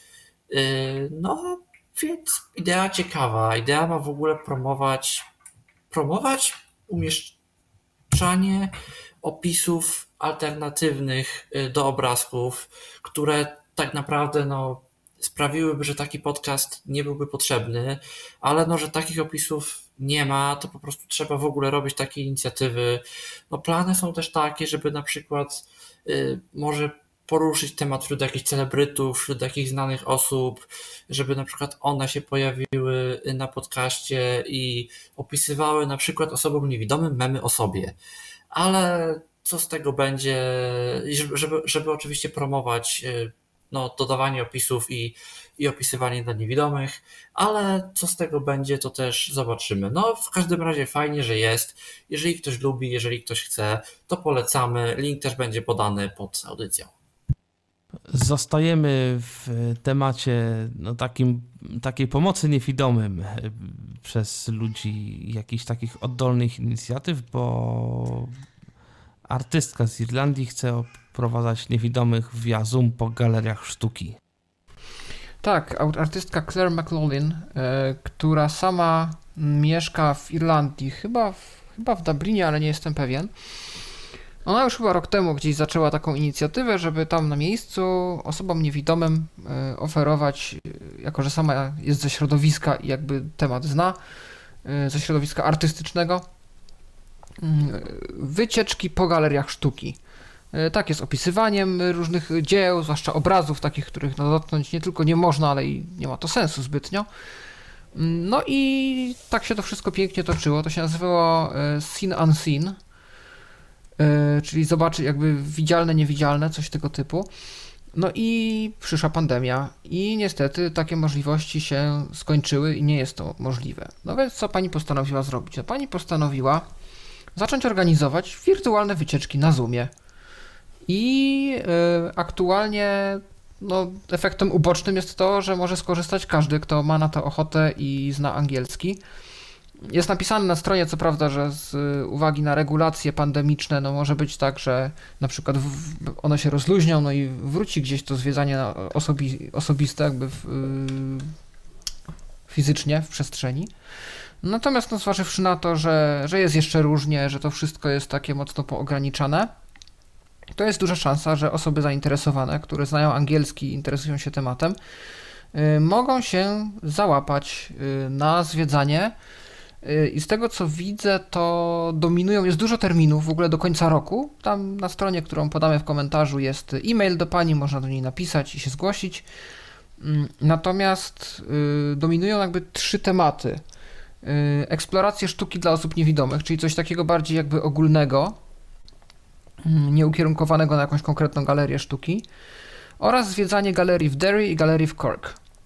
No i można na jeden z tych terminów albo na więcej się zapisać, dać znać po mailu i jeżeli rzeczywiście to się będzie odbywało na Zoomie, e, to myślę, że pani się ucieszy, że ktoś z jej e, pomysłu skorzysta i sobie, siedząc na przykład w Polsce, pozwiedza galerię sztuki w Irlandii. No, taki pomysł. Taki pomysł. I to jest ostatni pomysł, który e, mamy w naszej rubryczce Tyflo Wieści, a teraz przechodzimy do takich bardziej ogólnych no, raczej technikaliów. I pierwszy news, który jest dla mnie dość zagadkowy, bardzo dostępne narzędzie do, do planowania dat i, ogólno, i ogólnego ankietowania. Tak, ja wiem, ja trochę to słabo to opisałem, to muszę przyznać, natomiast już tłumaczę o co chodzi. E, zdarza się tak, zwłaszcza teraz, e, w dobie pandemii, że sobie umawiamy jakieś spotkania, że się spotkamy chociażby na Tyflo Przegląd, chociaż my mamy akurat na tyle małą grupę, że i stałe godziny, że nas ten problem aż tak nie dotyczy. Chociaż może akurat e, przy okazji tego odcinka by nam to pomogło. No i trzeba się umówić na konkretną godzinę mm, i jakiś konkretny dzień. A zwłaszcza jak tych osób nie znamy i nie znamy ich rutyny całodziennej, przyzwyczajeń, planów, stylu życia, no to ciężko nam powiedzieć, czy bardziej im pasuje wieczór, czy bardziej w południe, czy bardziej w ogóle gdzieś tam w nocy. Więc y, są takie narzędzia, które pomagają nam w y, ustaleniu tego. Y, takim dominującym narzędziem jest w tym momencie Doodle, który to niestety jest bardzo słabo dostępny. Mi już posłano dwie ankiety na Doodle, gdzie proszono mnie, żebym się wypowiedział, kiedy bym tam sobie życzył jakieś konkretne chyba spotkanie czy warsztat. I tam nie da się nic sprawdzić. Znaczy, strona jest obsługiwalna jak najbardziej. Tam widać te daty, tam widać y, możliwość wpisania komentarza, nawet same komentarze widać. Natomiast bardzo zagadkowe jest używanie tej aplikacji i instrukcje, jakie są nam w tej kwestii udzielane, bo na przykład jak chcemy oznaczyć, zdaje się, żeby, że my możemy wziąć udział w terminie, nie że być może, bo są opcje nie mogę, być może, czy tam jak musi, jak, jak nie da się inaczej, to może być, y, no i mogę. I to mogę chyba trzeba w taki sposób zaznaczyć, że dwa razy naciskamy Enter. Czy tam klikamy dwa razy, coś takiego. W każdym razie, że musimy chyba dwa razy Enter nacisnąć, żeby to się wykonało. No i nie ma żadnego potwierdzenia, jakiego wyboru dokonaliśmy. Bardzo kiepsko się czyta dane jakby wynikowe, jak już chcemy sobie zapoznać się z tym, jakich wyborów dokonały inne osoby. I to wszystko ogólnie jest takie ciężkie w obsłudze, a szkoda, bo takie narzędzia są bardzo przydatne. No i się okazuje, że ktoś stworzył w ogóle nie dość, że rozwiązanie otwarte, nie dość, że są takie instancje, my zresztą podamy w komentarzu link, które dbają o naszą prywatność i niczego absolutnie o nas nie zapisują. To też dostępne i to w taki sposób dostępne, że ja śmiało mogę powiedzieć, używałbym tego jako realnego przykładu na dostępność tabel i pól formularzy. Jakby komuś pokazać nie fikcyjną stronę, tylko coś, co rzeczywiście działa, gdzie my możemy wpisać jakieś swoje dane, co może rzeczywiście komuś się przydać, E, no i przy okazji jeszcze i przy okazji jeszcze być fajnym przykładem na dostępność. Rozwiązanie się nazywa From a Date i jest chyba francuskie, tak z pochodzenia.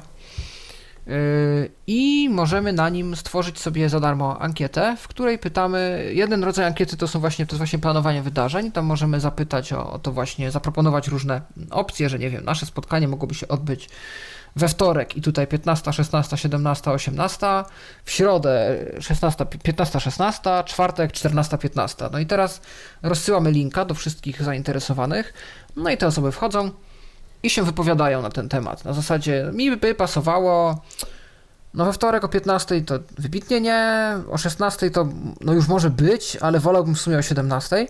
Do tego oczywiście można dopisać jakiś komentarz, no i potem mamy wyniki, które oczywiście cały proces wyboru jest jak najbardziej dostępny. I potem mamy wyniki. I w wynikach jest super, bo na przykład jest tabela i w tej tabeli każda jakby linia tej tabeli, każdy wiersz to jest osobna osoba. Na przykład to nie wiem, linia 2 Miki. No i Miki yy, na przykład udzielił odpowiedzi Miki wtorek. Miki wtorek godzina 16. Miki wtorek godzina 16 nie. Miki wtorek godzina 17 tak. Miki środa. Miki Środa, godzina 15 i tak dalej. Mm, I pod spodem, nie dość, że są oczywiście komentarze, możemy sobie podyskutować o tym, to jeszcze jest e, takie podsumowanie, która opcja zdaje się być tą najbardziej optymalną. I widzimy, że na przykład piątek, 15 to jest najbardziej optymalna opcja. No ja wtedy sprawdzam, ilu osobom pasowało, ilu nie pasowało i ewentualnie próbuję no, albo się decyduję na tą opcję, albo próbuję coś negocjować. Jeszcze patrzę, czy te osoby, które się nie zdecydowały na tą piątek 15, to czy definitywnie nie, czy że no, może być jak musi, ale woleliby nie. Mm, I to wszystko mogę sobie tam podglądać. E, jest też y, instancja właśnie w Niemczech, y, która się nazywa w ogóle Noodle, Noodle, y, takie, takie gra słów na doodlu, tym takim, o którym już mówiłem wcześniej, mm, gdzie to wszystko jest bardzo tak owiane taką płaszczykiem prywatności, że po prostu tam nawet nie muszę maila podawać, wystarczy, że wpiszę, nie wiem, Paweł, małpa, inwalid e, i on w tym momencie z automatu wie, że żadnego maila nie wysyłać, żadnych tam nie podsyłać mailem, ani potwierdzeń, ani informacji o tym, że ktoś y, zagłosował w tej ankiecie, ani nic. Tylko po prostu dać mi linka, ja tego linka już muszę sobie zapisać sam w zakładkach, czy gdzieś tam na boku w dokumencie i sobie do niego zaglądać, no bo jak się zdecydowałem na opcję bez maila, no to za taką cenę, że nie dostaję żadnych powiadomień. Oczywiście też nic nie jest logowane, żadne IP, żadne dane diagnostyczne i tak dalej. E, no i drugą opcją są ankiety tradycyjne, czyli po prostu zadajemy jakieś pytanie, nie wiem czy tam otwarte, czy zamknięte, no i po prostu ludzie na nie odpowiadają, głosują. E, no i jest to super sprawa.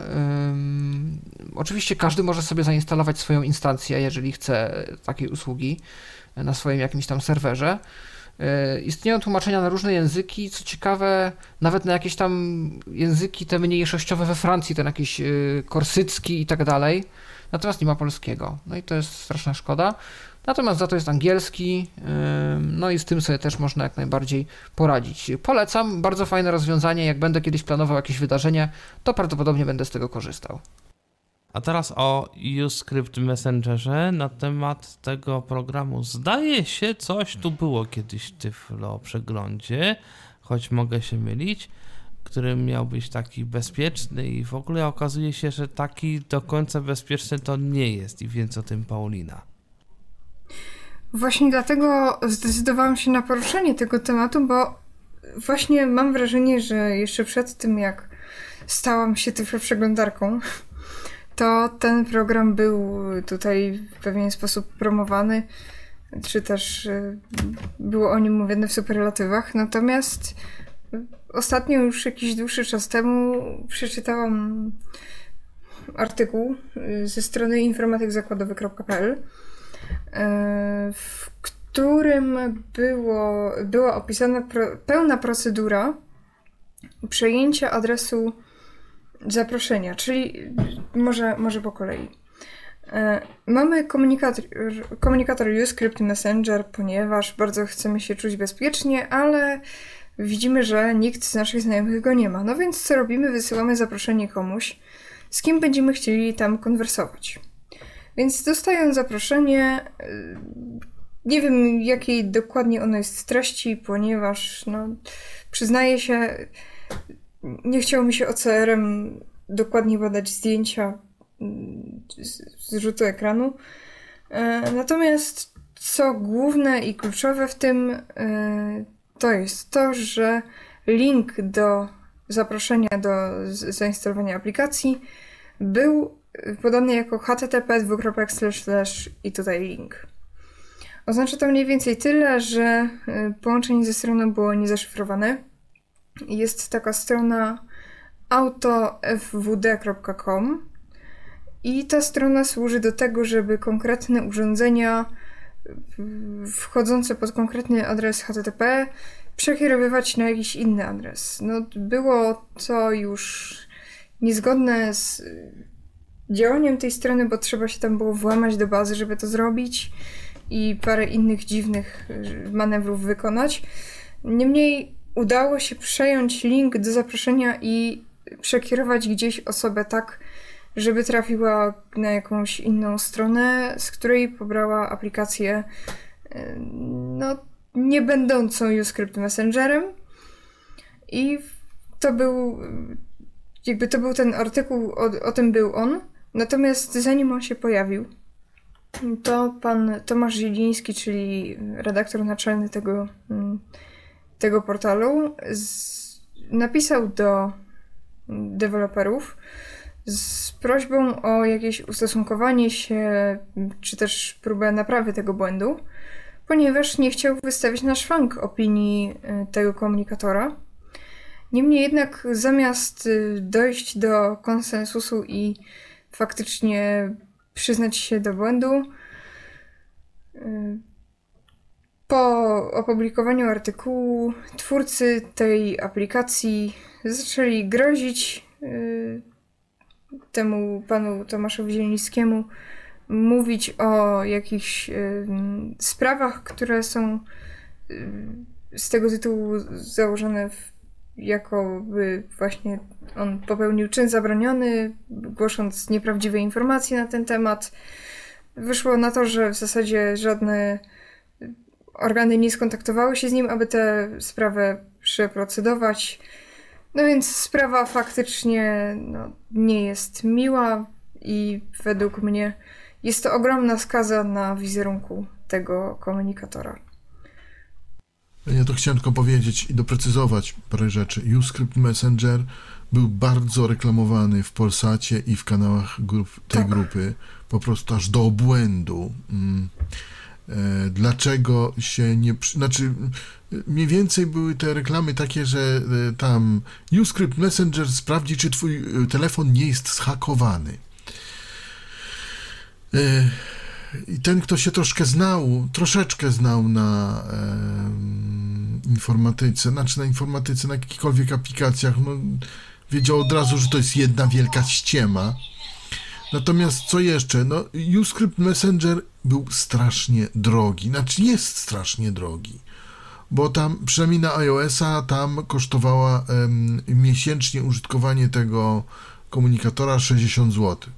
No to chyba trochę coś nie tak i e, nie wiem co teraz, a za tym stoi chyba grupa Polsat albo ktoś około Polsatowy i no i nie wiem, no i tyle, no co mogę powiedzieć. Po prostu bardzo dużo reklam tego komunikatora było w e, bardzo dużo, obłędna ilość po prostu. Do tego stopnia, że spotkałam się z cytatami typu właśnie, tak jak zresztą w tym artykule też one są przytoczone, e, że tam no trzy po trzy w nocy z kolegami to można na sygnalu, ale rzeczy, które mają zostać bezprecedensowo zachowane dla tych osób, które wymieniają wiadomości, to tylko Uscript Messenger. No i wydaje mi się, że ta cena była jakby z tego powodu, że no wtedy to się wydawało takie, takie zgadzające się. No przecież skoro oni nie sprzedają naszych danych, to na czymś muszą zarobić. Jakby to, co mnie od razu zaczęło zastanawiać i jakby dlaczego ja od razu wiedziałem, że tu jest coś nie tak, to jest fakt, że cały świat i to cały świat mówi o sygnalu, a w Polsce się nagle zaczęło pojawiać coś, co jest używane tylko w Polsce i tak naprawdę nigdzie indziej. Gdyby Ja nie wiem, czy Izrael nie miał jakiegoś wątku z Wiesz, to miał, miał, miał, miał, ale jakby, o, wiesz, wiesz o co mi chodzi, że ogólnie nikt tak naprawdę poza, poza Polską o tym nie Tak, to słyszał, rozumiem. A skoro to miało być takie super, cudowne i lepsze, to dlaczego nikt poza Polską o tym nie słyszał? Dlatego, że to jest bardzo prywatne i nikt nie będzie tyle płacił za prywatność, No. bo przecież nikomu aż tak nie zależy. Ale to, to, to się właśnie potem okazało, że dobrze miałem, dobrze myślałem, jak byłem, że tak powiem, podejrzliwy wobec tego. No w każdym razie, tak czy tak, Uscript Messenger, jak ktoś będzie chciał, to sobie sprawdzi o co chodzi, albo nie. W każdym razie, no tak. A tymczasem słuchawki Apple'a mm, AirPod, no w tych najnowszych AirPodsach Apple'a jest y, Audio 3D, chyba to się chyba nazywa, to wymaga y, współpracy z aplikacją, żeby to Audio 3D tam się pojawiło która również musi to obsługiwać. No i powstała lista takich aplikacji, które to 3D obsługują. Tak, stworzył ją portal 9to5Mac, tak się zdaje. Zaraz to jeszcze sprawdzę. Mac Rumors, przepraszam. Y, I no właśnie, chodzi o to, żeby nie szukać na oślep, jak to się mówi, aplikacji, która będzie to obsługiwać, zwłaszcza, że wiele takich aplikacji popularnych, które wydawałoby się, że już y, mogłyby to wspierać, tego nie wspierają. Przykładem tu jest Netflix, który jakieś plotki się pojawiły, że ma to być, potem oni zaprzeczyli, że tego jednak nie będzie w najbliższej przyszłości. Mm, No, ludzie się zdenerwowali, no i żeby się tak nie denerwować, to właśnie powstała taka lista mm, aplikacji, co do których wiadomo, że na 100% to jest. Y, Lista jest w dużym stopniu taka stanocentryczna, amerykocentryczna. Y, Jest tam dużo rzeczy, których no, u nas nie ma, typu na przykład Disney, typu na przykład, y, no w Australii jest jakiś Foxtel, y, typu Hulu na przykład, którego u nas również nie ma. Ale są też rzeczy, do których my dostęp mieć będziemy. Oczywiście, no wiadomo, Apple TV Plus i ich produkcje. HBO, to o tym już mówiliśmy przy okazji Netflixa, że HBO Max ma to wsparcie. Kwestia, czy to polskie, bo zauważmy, że my mamy inną aplikację. Dobre pytanie. Dobre pytanie. Znaczy treści jak są gotowe, no to kwestia może jest tylko dostosowania, bo tam już nie chodzi o żadną lokalizację, myślę, językową. E, więc no, miejmy nadzieję, że ta aplikacja, że ta aplikacja nasza też to wspiera. No, w każdym razie treści są gotowe do tego, żeby być odtwarzane. E, I co ciekawe, na przykład niektóre piosenki w Tidalu ponoć wspierają 3D. Domyślam się, że jakieś koncertowe, takie ekskluzywne wydania. Nie wiem, czy to nie w tej opcji najdroższej takiej, e, jaka tam jest, tego Tidala. E, I też są aplikacje takie jak RVideo HD, jak F-Explorer jakiś i Plex, czyli rzeczy, w których możemy wrzucać swoje multimedia. No tylko wtedy musi być wspierany DTS 5.1, czyli jakby ten surround, który był wcześniej w kinach domowych. E, no i wtedy rzeczywiście jest szansa na to, że te treści będą jakoś tam Y, nam odtwarzane z podziałem na te różne kanały i że to będzie całe to 3D będzie w tych naszych AirPodsach zachowane. No fajnie, że jest kilka takich apek, które właśnie pozwalają na odtwarzanie własnych treści, jeżeli sobie jesteśmy je w stanie sami dostarczyć. No i miejmy nadzieję, że wprowadzą to też inne aplikacje. Na liście aplikacji, które nie wspierają na przykład, a można by się spodziewać, że powinny, y, jest na przykład też VLC. No to jest dość znany odtwarzacz, fajnie by było jakby też obsługiwali, zwłaszcza, że oni raczej takie zaawansowane rzeczy to lubią obsługiwać. Wracamy z powrotem do komunikatorów, konkretnie do Telegrama i co nowego w Telegramie jest, o tym Paulina wie. Jeśli chodzi o nowe rzeczy na Telegramie, to myślę, że mamy kolejną odpowiedź na Clubhouse, ponieważ tutaj są rzeczy, które nawiązują stricte do połączeń głosowych, w szczególności w kanałach ponieważ teraz można dla kanałów organizować czaty głosowe w czasie rzeczywistym, można je nagrywać, można dawać linki jako mówca i jako słuchacz. Można tam personalizować dość mocno, kto może mówić, kto, może nie, kto nie może mówić. I to jest yy, nieograniczona, nieograniczona opcja, czyli no, ile, ile osób przyjdzie, to tyle może być. Nie ma tutaj żadnych górnych limitów. I to jest w sumie taka największa nowość. Bo tutaj w szczegóły nie ma co wchodzić. Zresztą, jeżeli ktoś używa Telegrama, no to pewnie dostał wiadomość, która o tym mówi. Jest też akcja dla przesunięcia w lewo na czacie. Można ją sobie pod, przypisać pod na przykład oznaczenie jako nieprzeczytane, czy przeczytane już teraz nie kojarzę, ale w sumie też nie wiem, jak to działa ze screenreaderami. W sumie może się temu przyjrzę za jakiś czas. W ogóle te opcje nowość. audio. Mhm. Jest jeszcze jedna nowość w, tele, w Telegramie, właściwie w Unigramie. I to nowość raczej nie za fajna, bo mogę potwierdzić to ja i potwierdziły mi to jeszcze dwie inne osoby. Nie da się nagrywać wiadomości głosowych. Nikt nie wie dlaczego. Tak, ja też nie, nie, mogę, wiem. tylko że ja myślałem, że to ja coś robię źle. A to, to kiedy sprawdzaliście? A kiedy sprawdzaliście? Przedwczoraj. Wczoraj. Ja nagrywałem na Unigramie wiadomość parę dni temu i się dało. Natomiast y, ja też nie mogę od pewnego czasu przyspieszać wiadomości w Unigramie. Jakby nie ma w ogóle przycisku, że dwa razy tam, ja dwa x tam był chyba przycisk. błędzie coś z, z, tym nagrywaniem, ktoś to też inny zgłaszał. Ale a propos jeszcze tego, co ja pani mówiła... Ja jeszcze nie tych... mogę, sprawdziłem teraz i się nie da. Hm? O tych rozmowach głosowych to teraz wiele w ogóle, myślę, warto zwrócić na to uwagę, y, tych mainstreamowych jakby firm się zasadza na ten taki model Clubhouse'a, bo to tak, Telegram... Tak, o Facebooku?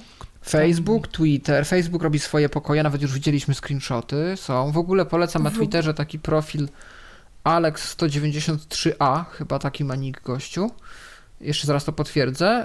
E, to jest taki Włoch, czy ktoś taki. E, jest kilka takich osób na Twitterze, ale on, e, zaraz opowiem czemu jest taki fajny, które rozbierają na części pierwsze kod różnych aplikacji takich popularnych, zwłaszcza komunikacyjnych, czyli jakieś tam Facebooki, Snapchaty, Twittery, Instagramy, Whatsappy, TikToki, Clubhouse'y i tak dalej. I wygrzebują wszystkie nowości, które się kryją pod co tydzień przynosimy Wam najnowsze usprawnienia, aby nasza aplikacja była coraz lepsza. Mm, I dlaczego Alex akurat jest spoko? Bo Alex mm, wrzuca screeny z tych nowości, które przynajmniej jest w stanie tam graficznie jakoś udowodnić i podpisuje je opisem alternatywnym. I to naprawdę takim długim, konkretnym, że widzimy na screenshocie nową sekcję aplikacji Google. Yy, jest tam zakładka taka, zakładka taka i opcja taka. Potem w, na kolejnym screenie okno wyboru czegoś tam, opcje to, coś tam, coś tam, coś tam. I rzeczywiście on to fajnie opisuje i z tych jego screenów coś konkretnego wynika. Yy, więc właśnie oni, on już pokazał pełny ekran yy, tej aplikacji, chyba on, yy, właśnie facebookowej do tych audiopokojów. Twitter ma swoje Twitter Spaces. Clubhouse już się tak boi, że jak macie Twitter Spaces w nazwie pokoju, to ponoć macie pokój wam znika z korytarza. Jak śmiesznie. To tego tak. nie znałam. Tak, tak. Twitter Spaces, które tak się losowo u użytkowników jeszcze odpalają, to nie jest tam powszechne jeszcze. Tam niektórzy mają, niektórzy nie mają. Różnie to jest. I Telegram, no to już wspomnieliśmy. Slack też nad czymś kombinuje, też ma wprowadzić tego typu pokoje. W ogóle jakieś wiadomości, takie jak walkie-talkie też są planowane w Slacku. Nie wiem, czy chodzi o zwykłe głosowe, czy o jakieś rozmowy głosowe w trybie takim push to talk, mm, czy o coś jeszcze innego. I nie wiem, czy jeszcze któraś firma, ale teraz nie mogę sobie przypomnieć. W każdym razie kilka tych pomysłów na Clubhouse'a jest, jak go zdmuchnąć. To jest może to, o czym ty, Paulino, mówisz, że może Clubhouse nie przetrwać, ale sama idea chyba siadła. E, ja w ogóle widziałam dzisiaj taką aplikację, czy stronę, czy coś. Mignęło mi to dosłownie pod, pod screen readerem.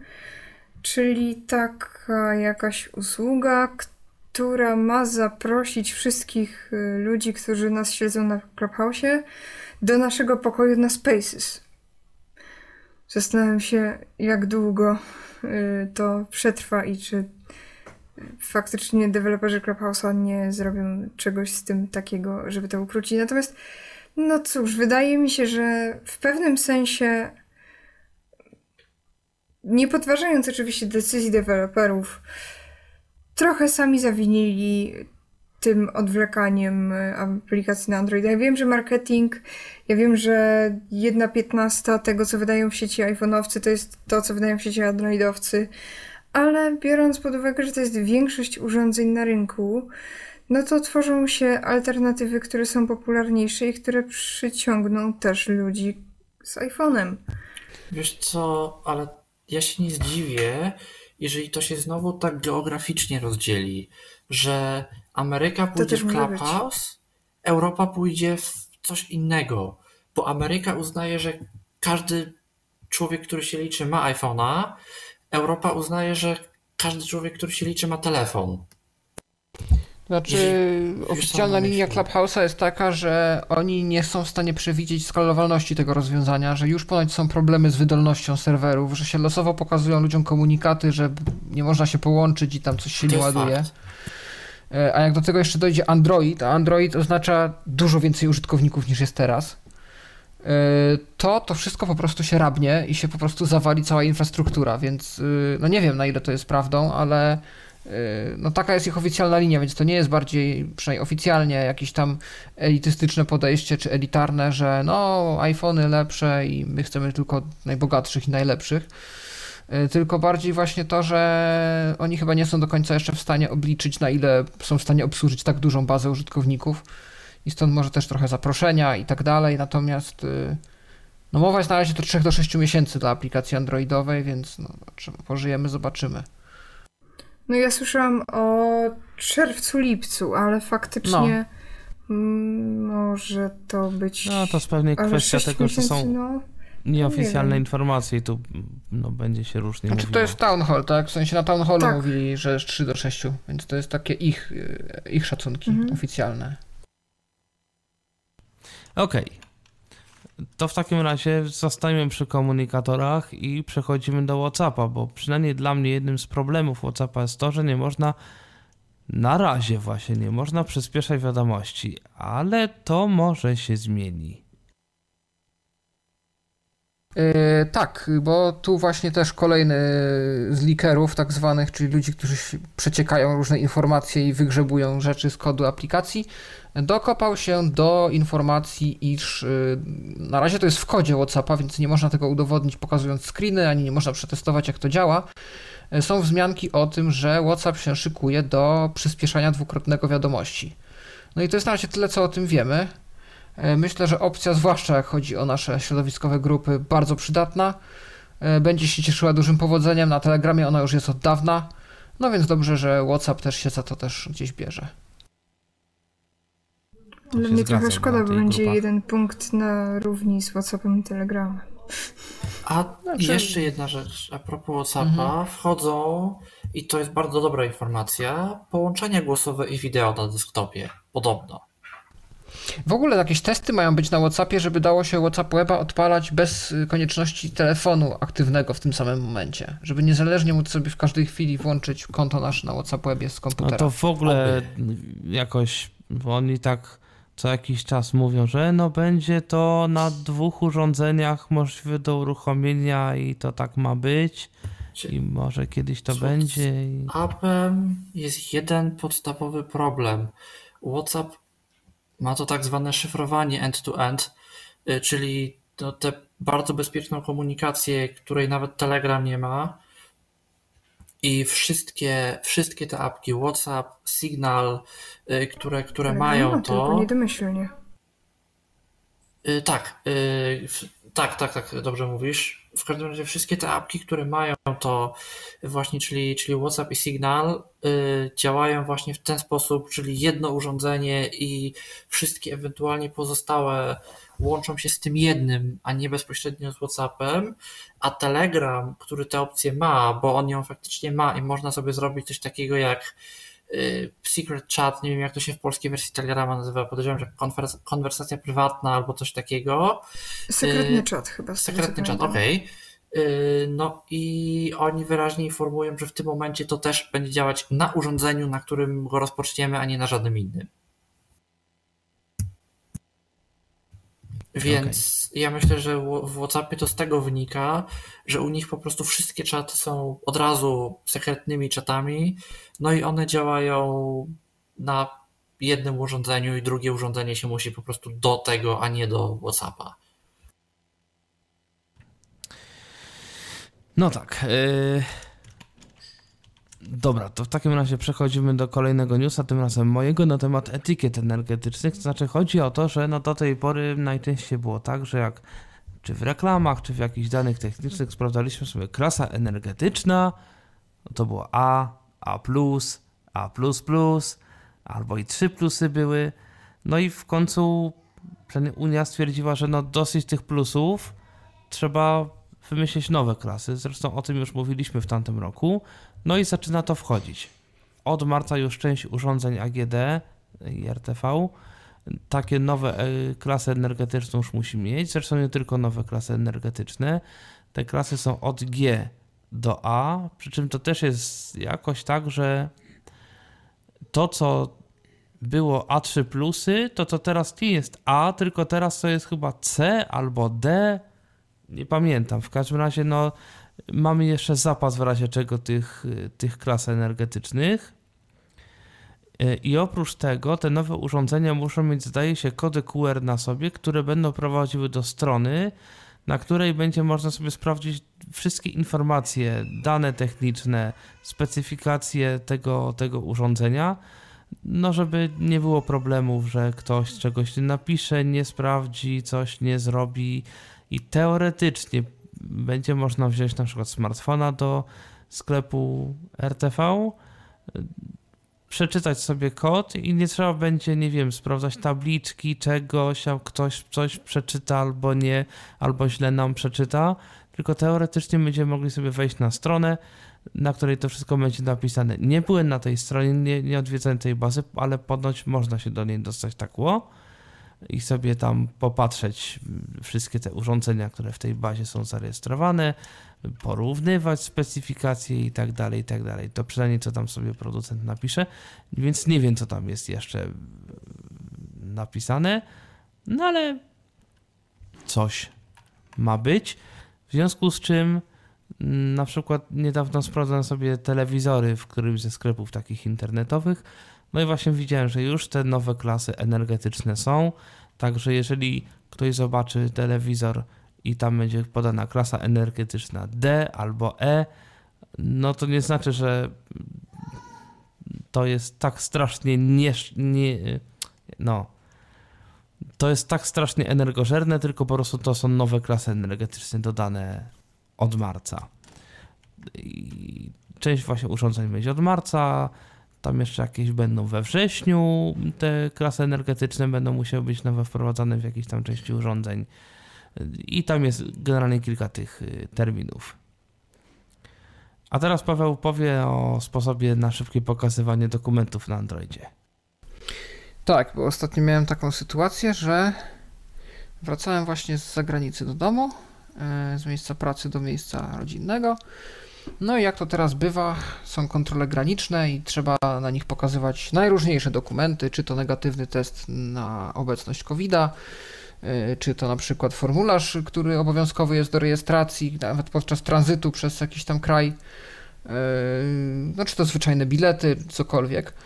No i moi znajomi właśnie pomogli mi taki formularz wypełnić, y, osoby, z którymi jechałem i y, no padła taka sugestia, że y, Paweł, zrób sobie zrzut ekranu, bo potem jak będziesz musiał to szybko pokazać, to szybciej ci będzie zrzutu niż tam ładować cały plik PDF. No ja sobie pomyślałem, oni tak to robią, ale z drugiej strony, czemu by na przykład nie zrobić sobie jakiegoś skrótu do tego pliku w jakimś takim miejscu, którym on jest łatwo dostępny i żeby go otwierać. No i sobie wymyśliłem. I oczywiście nie w ten sam dzień, tylko na drugi dzień zacząłem grzebać, kombinować.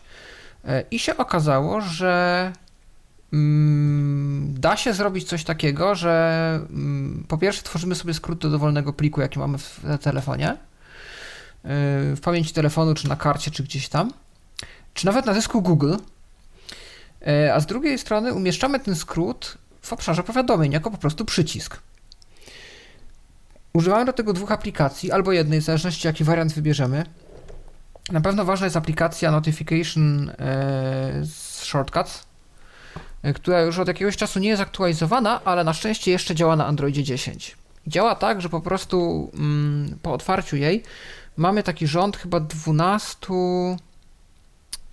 czy 21 chyba nawet, bo chodzi o to, że 7 rzędów po 3 E, przycisków niezaetykietowanych, które w momencie, jak któryś z nich klikniemy, to możemy sobie wybrać, jaką akcję on ma wykonywać. Możemy wybrać, żeby właśnie otwierał jakąś aplikację, otwierał jakiś skrót, wykonywał jakieś tam konkretne działanie, albo możemy wyczyścić mu działanie, żeby nie, w ogóle nie istniał. I to jest fajne, bo w momencie, kiedy przypiszemy temu przyciskowi jakąś funkcję, to on pod taką nazwą, pod jaką my go zapiszemy, pod jak, jak się nazywa nasz skrót, Mm, pojawi się w centrum powiadomień. Jak go wyczyścimy, to nie, że on tam zostaje, wisi i nic nie robi, tylko po prostu znika tak, jakby go nigdy nie było. E, I to jest pierwsza aplikacja. I teraz, jeżeli chcemy e, podlinkować sobie plik, który mamy na dysku Google, e, no to nie ma problemu, bo dysk ma taką opcję wbudowaną. Możemy sobie po prostu wejść w skróty, tam wybieramy dysk Google, czy skrót do dysku i się pokazuje cała nasza struktura dysku. Wybieramy jakiś tam folder czy plik i gotowe i możemy po prostu sobie w ten sposób zapisać ten przycisk w obszarze powiadomień. Natomiast jeżeli chcemy sobie jakiś plik, który mamy w pamięci po prostu urządzenia, ściągnęliśmy sobie, nie PDF-a z maila z jakimś tam potwierdzeniem, z biletem, z jakimiś tam dokumentami medycznymi, z jakimś y, czymkolwiek, co musimy komuś pokazać, mm, to musimy doinstalować jeszcze aplikację File Shortcut. Też podamy linka do sklepu Play. Y, I w Notification Shortcut, jak wybierzemy przycisk i wybierzemy działania, to szukamy File Shortcut i pokazuje nam się taki kreatorek, w którym po pierwsze wybieramy plik yy, za pomocą aplikacji pliki, więc to jest plik, który jest albo właśnie gdzieś w pamięci urządzenia, albo na karcie. Yy, I tutaj jest fajna opcja właśnie ostatnie pliki, że on nam pokazuje pliki, które ostatnio zapisaliśmy, więc jeżeli to jest plik, który właśnie zapisaliśmy, to on w miarę tam szybko nam się pokaże. Natomiast y, potem mamy opcję nazwa i możemy sobie wpisać dowolną nazwę, więc mogę sobie wpisać, nie wiem, form coś tam, coś tam, healt.pdf, a mogę wpisać sobie po prostu, nie wiem, formularz przekraczania granicy. Y, I w tym momencie skrót o takiej nazwie pojawi mi się jako przycisk w obszarze powiadomień. Otwieram sobie powiadomienia gestem, znajduję przycisk, naciskam i otwiera mi się plik. No i taki mój sposób na szybko, jak sobie y, gdzieś tam w w szybkim do znalezienia miejscu e, zapisać ważne dokumenty, które mamy gdzieś tam przed podróżą, czy na jakimś wydarzeniu, czy gdziekolwiek e, pokazać komuś do zeskanowania, na przykład kod QR. To iOS też ma taką, ona nie do końca działa w ten sposób, ale fajną rzecz, o której nie każdy wie, bo niektóre aplikacje są w stanie dodać właśnie coś takiego y, do naszych kart, do naszego tak zwanego portfela. I to bardzo często apki y, lotnicze na przykład potrafią zrobić, jeżeli kupujemy bilet. Y, I w tym momencie, jeżeli no, nastąpi jakiś warunek, który tam jest wpisany, czyli nie wiem, jest powiedzmy kilka godzin przed lub kilka godzin po wylocie, lub na przykład znajdziemy się w lokalizacji w pobliżu lotniska, no to dostaniemy powiadomienie po prostu też właśnie na ekranie powiadomień i na ekranie blokady z tym biletem. Możemy to powiadomienie kliknąć i on nam się od razu otworzy, ale możemy też y, dwukrotnym naciśnięciem przycisku początek, y, czyli tak jak włączamy Apple Pay, jeżeli jest jakaś aktywna tego typu karta, to pierwsze co nam się pokaże to jest właśnie tego typu karta i w taki sposób na przykład y, większość linii lotniczych bardzo łatwo jest wtedy bilet pokazać, po prostu naciskamy tylko dwa razy home i pokazujemy komuś telefon, nie musimy niczego szukać, nie musimy niczego sprawdzać. Mm, z drugiej strony, no w Polsce się tego jeszcze niestety nie stosuje, w niektórych krajach na przykład karty lojalnościowe do sklepów też się aktywują w ten sposób, jeżeli tylko znajdziemy się w odpowiedniej lokalizacji, to nam wyskakuje na ekranie powiadomień karta lojalnościowa do danej lokalizacji, klikamy sobie i sobie możemy ją pokazać. No właśnie tak się zainspirowałem się trochę tym Applem, bo wiedziałem, że to, że Apple ma to wbudowane. Natomiast no, wiedząc, że ja takich fajnych rzeczy nie mam, stwierdziłem, że sobie sam zbuduję taki, takie narzędzie.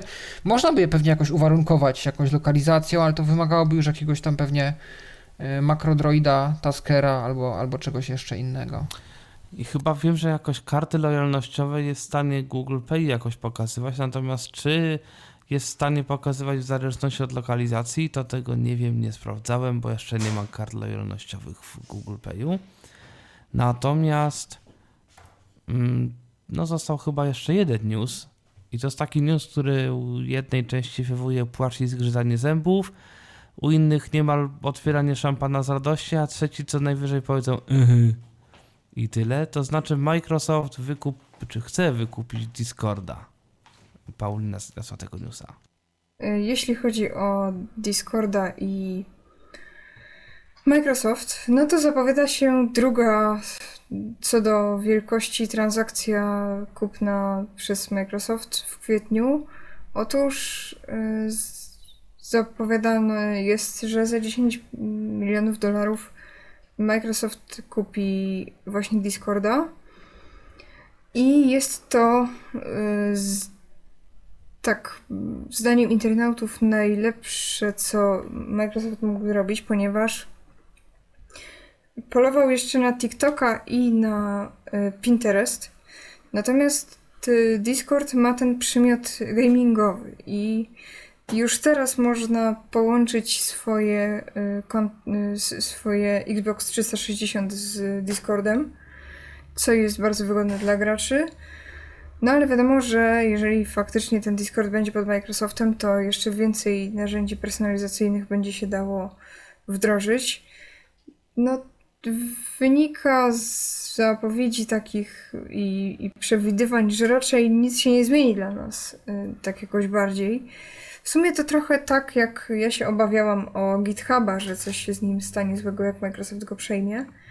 Ale nic takiego nie nastąpiło i podejrzewam, że, że po prostu Discord jest im potrzebny po to, aby y, rozszerzać zasięg swoich usług gamingowych i różnych innych, aby pozyskiwać kolejnych konsumentów. I podejrzewam, że będzie kolejne źródło, jedno z 20 y, kont Microsoft, czyli nasze konto Discord. Oby nie. Tak, no też, też mam nadzieję, że to się nie stanie, ale z drugiej strony byłaby to płonna nadzieja. No, stety lub niestety, pewnie tak będzie. W każdym razie to był już nasz ostatni news, który mieliśmy w notatkach redakcyjnych. Pytanie, czy coś się jeszcze po drodze Wam urodziło, jeżeli chodzi o jakieś newsy? Taki malutki newsik, bo tak naprawdę na tą chwilę więcej nie wiemy. Będzie redesign Spotify Web i Spotify Tak, Desktop, też to widziałam. to ma być jedno i to samo teraz, jeżeli chodzi o wygląd, z tego co wiem. No i teraz pytanie, co z dostępnością?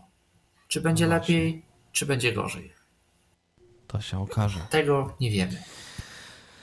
Tak. A żeby tak optymistycznie zakończyć audycję, jeżeli już nikt nic nie ma do powiedzenia, to właśnie mi mignęło, że Polska jest na 50 z 53 miejsc według Bloomberga, jeśli chodzi o radzenie sobie z pandemią koronawirusa. Ej, to tak bardzo optymistycznie rzeczywiście. No dobra, no to chyba tą ciekawą i bardzo optymistyczną wiadomością będziemy musieli zakończyć dzisiejszy trochę bonusowy Tyflo Przegląd. Nie wiadomo kiedy następna audycja, możliwe, że po świętach albo jeszcze nie.